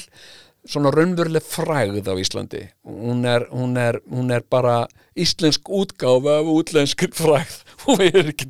er ekki alveg alvöru uh, og hérna því við erum og fá sko hérna til þess að, vera almennlega fræg nema í útlöndum sko. Uh, og Íslendingar geta orðið frægir í útlöndum en, en það er rosa erfitt að- hérna, verða sagt, frægur á Íslandi. Uh, og en þetta er briljant múf hjá Guðmundi sko að, að hérna uh, sko uh, að fá þetta sem sagt á ferilskrána og ég var að hlæja þessu og ég bara, að því mér fannst þetta eitthvað að því að ég hugsaði bara, já, ok, býtu, er hann eitthvað svona eitthvað svona hveruland, hva, hver er þetta og eitthvað svona? Og, uh, og hérna en svo sá ég hérna viðtal við hann og þetta er alveg skynsami maður og heldur þræði í samræðum og, og hérna og er með eitthvað svona eitthvað, eitthvað svona, eitthvað svona skoðanir og forseta embættinu og eitthvað svona hérna uh, og, og hérna en þú veist svo flög mér í hug sko að því að flestir eru að hugsa já, ég meina, þú veist fórseta, já, er ekki guðni bara fín, er ekki, er ekki guðni fín og eitthvað svona hérna uh, þú veist ég hef til dæmis ekki hugsað mér að kjósa. Uh, uh, ég myndi ekki vita af þessu nema að því að mér fannst þetta fyndið. Að því ég fór að hlæja þarna og, og, og pælja í Guðmundi af hverju hann væri að gera þetta og hérna og ekki verandi einhver svona kveruland með einhverjar með, sem heldur ekki þræði í samræðum og, og hérna með einhverjar með einhverjar mjög furðulegar pælingar. Hérna og annars hefði ég ekki vita af þessu sko og, og, og ef að ef að við allir eru bara búin að vera í, í COVID og leðendum og hugsa, æja, nú ætla ég bara að hætta leðendum og nú bara nota góða veðrið og, og, bara taka til hendin í garðinum og fara í göngutúra og, fara út á land og, bara njóta lífsins. Hvað ef engin kýs ef allir hugsa nákvæmlega þetta sama já, er ekki Guðni bara fýtn er hann ekki bara sjálfkjörinn? Og enginn bara allir einhvern veginn ganga út frá því að einhver annar muni kjósa Guðna. Hvað ef enginn kýs Guðna og þessi tíu vinir Guðmundar kjósa hann? Og, og Guðmundur hérna verður bara allt í hennu forseti og allir, what? Hvernig gerist þetta? Það væri bara eins og þegar Donald Trump var forseti í bandaríkjónum Velkomin í kaupfélagið. Já, hvað, hvað kostar þetta? Hvað viltu borga? kaupfélagið.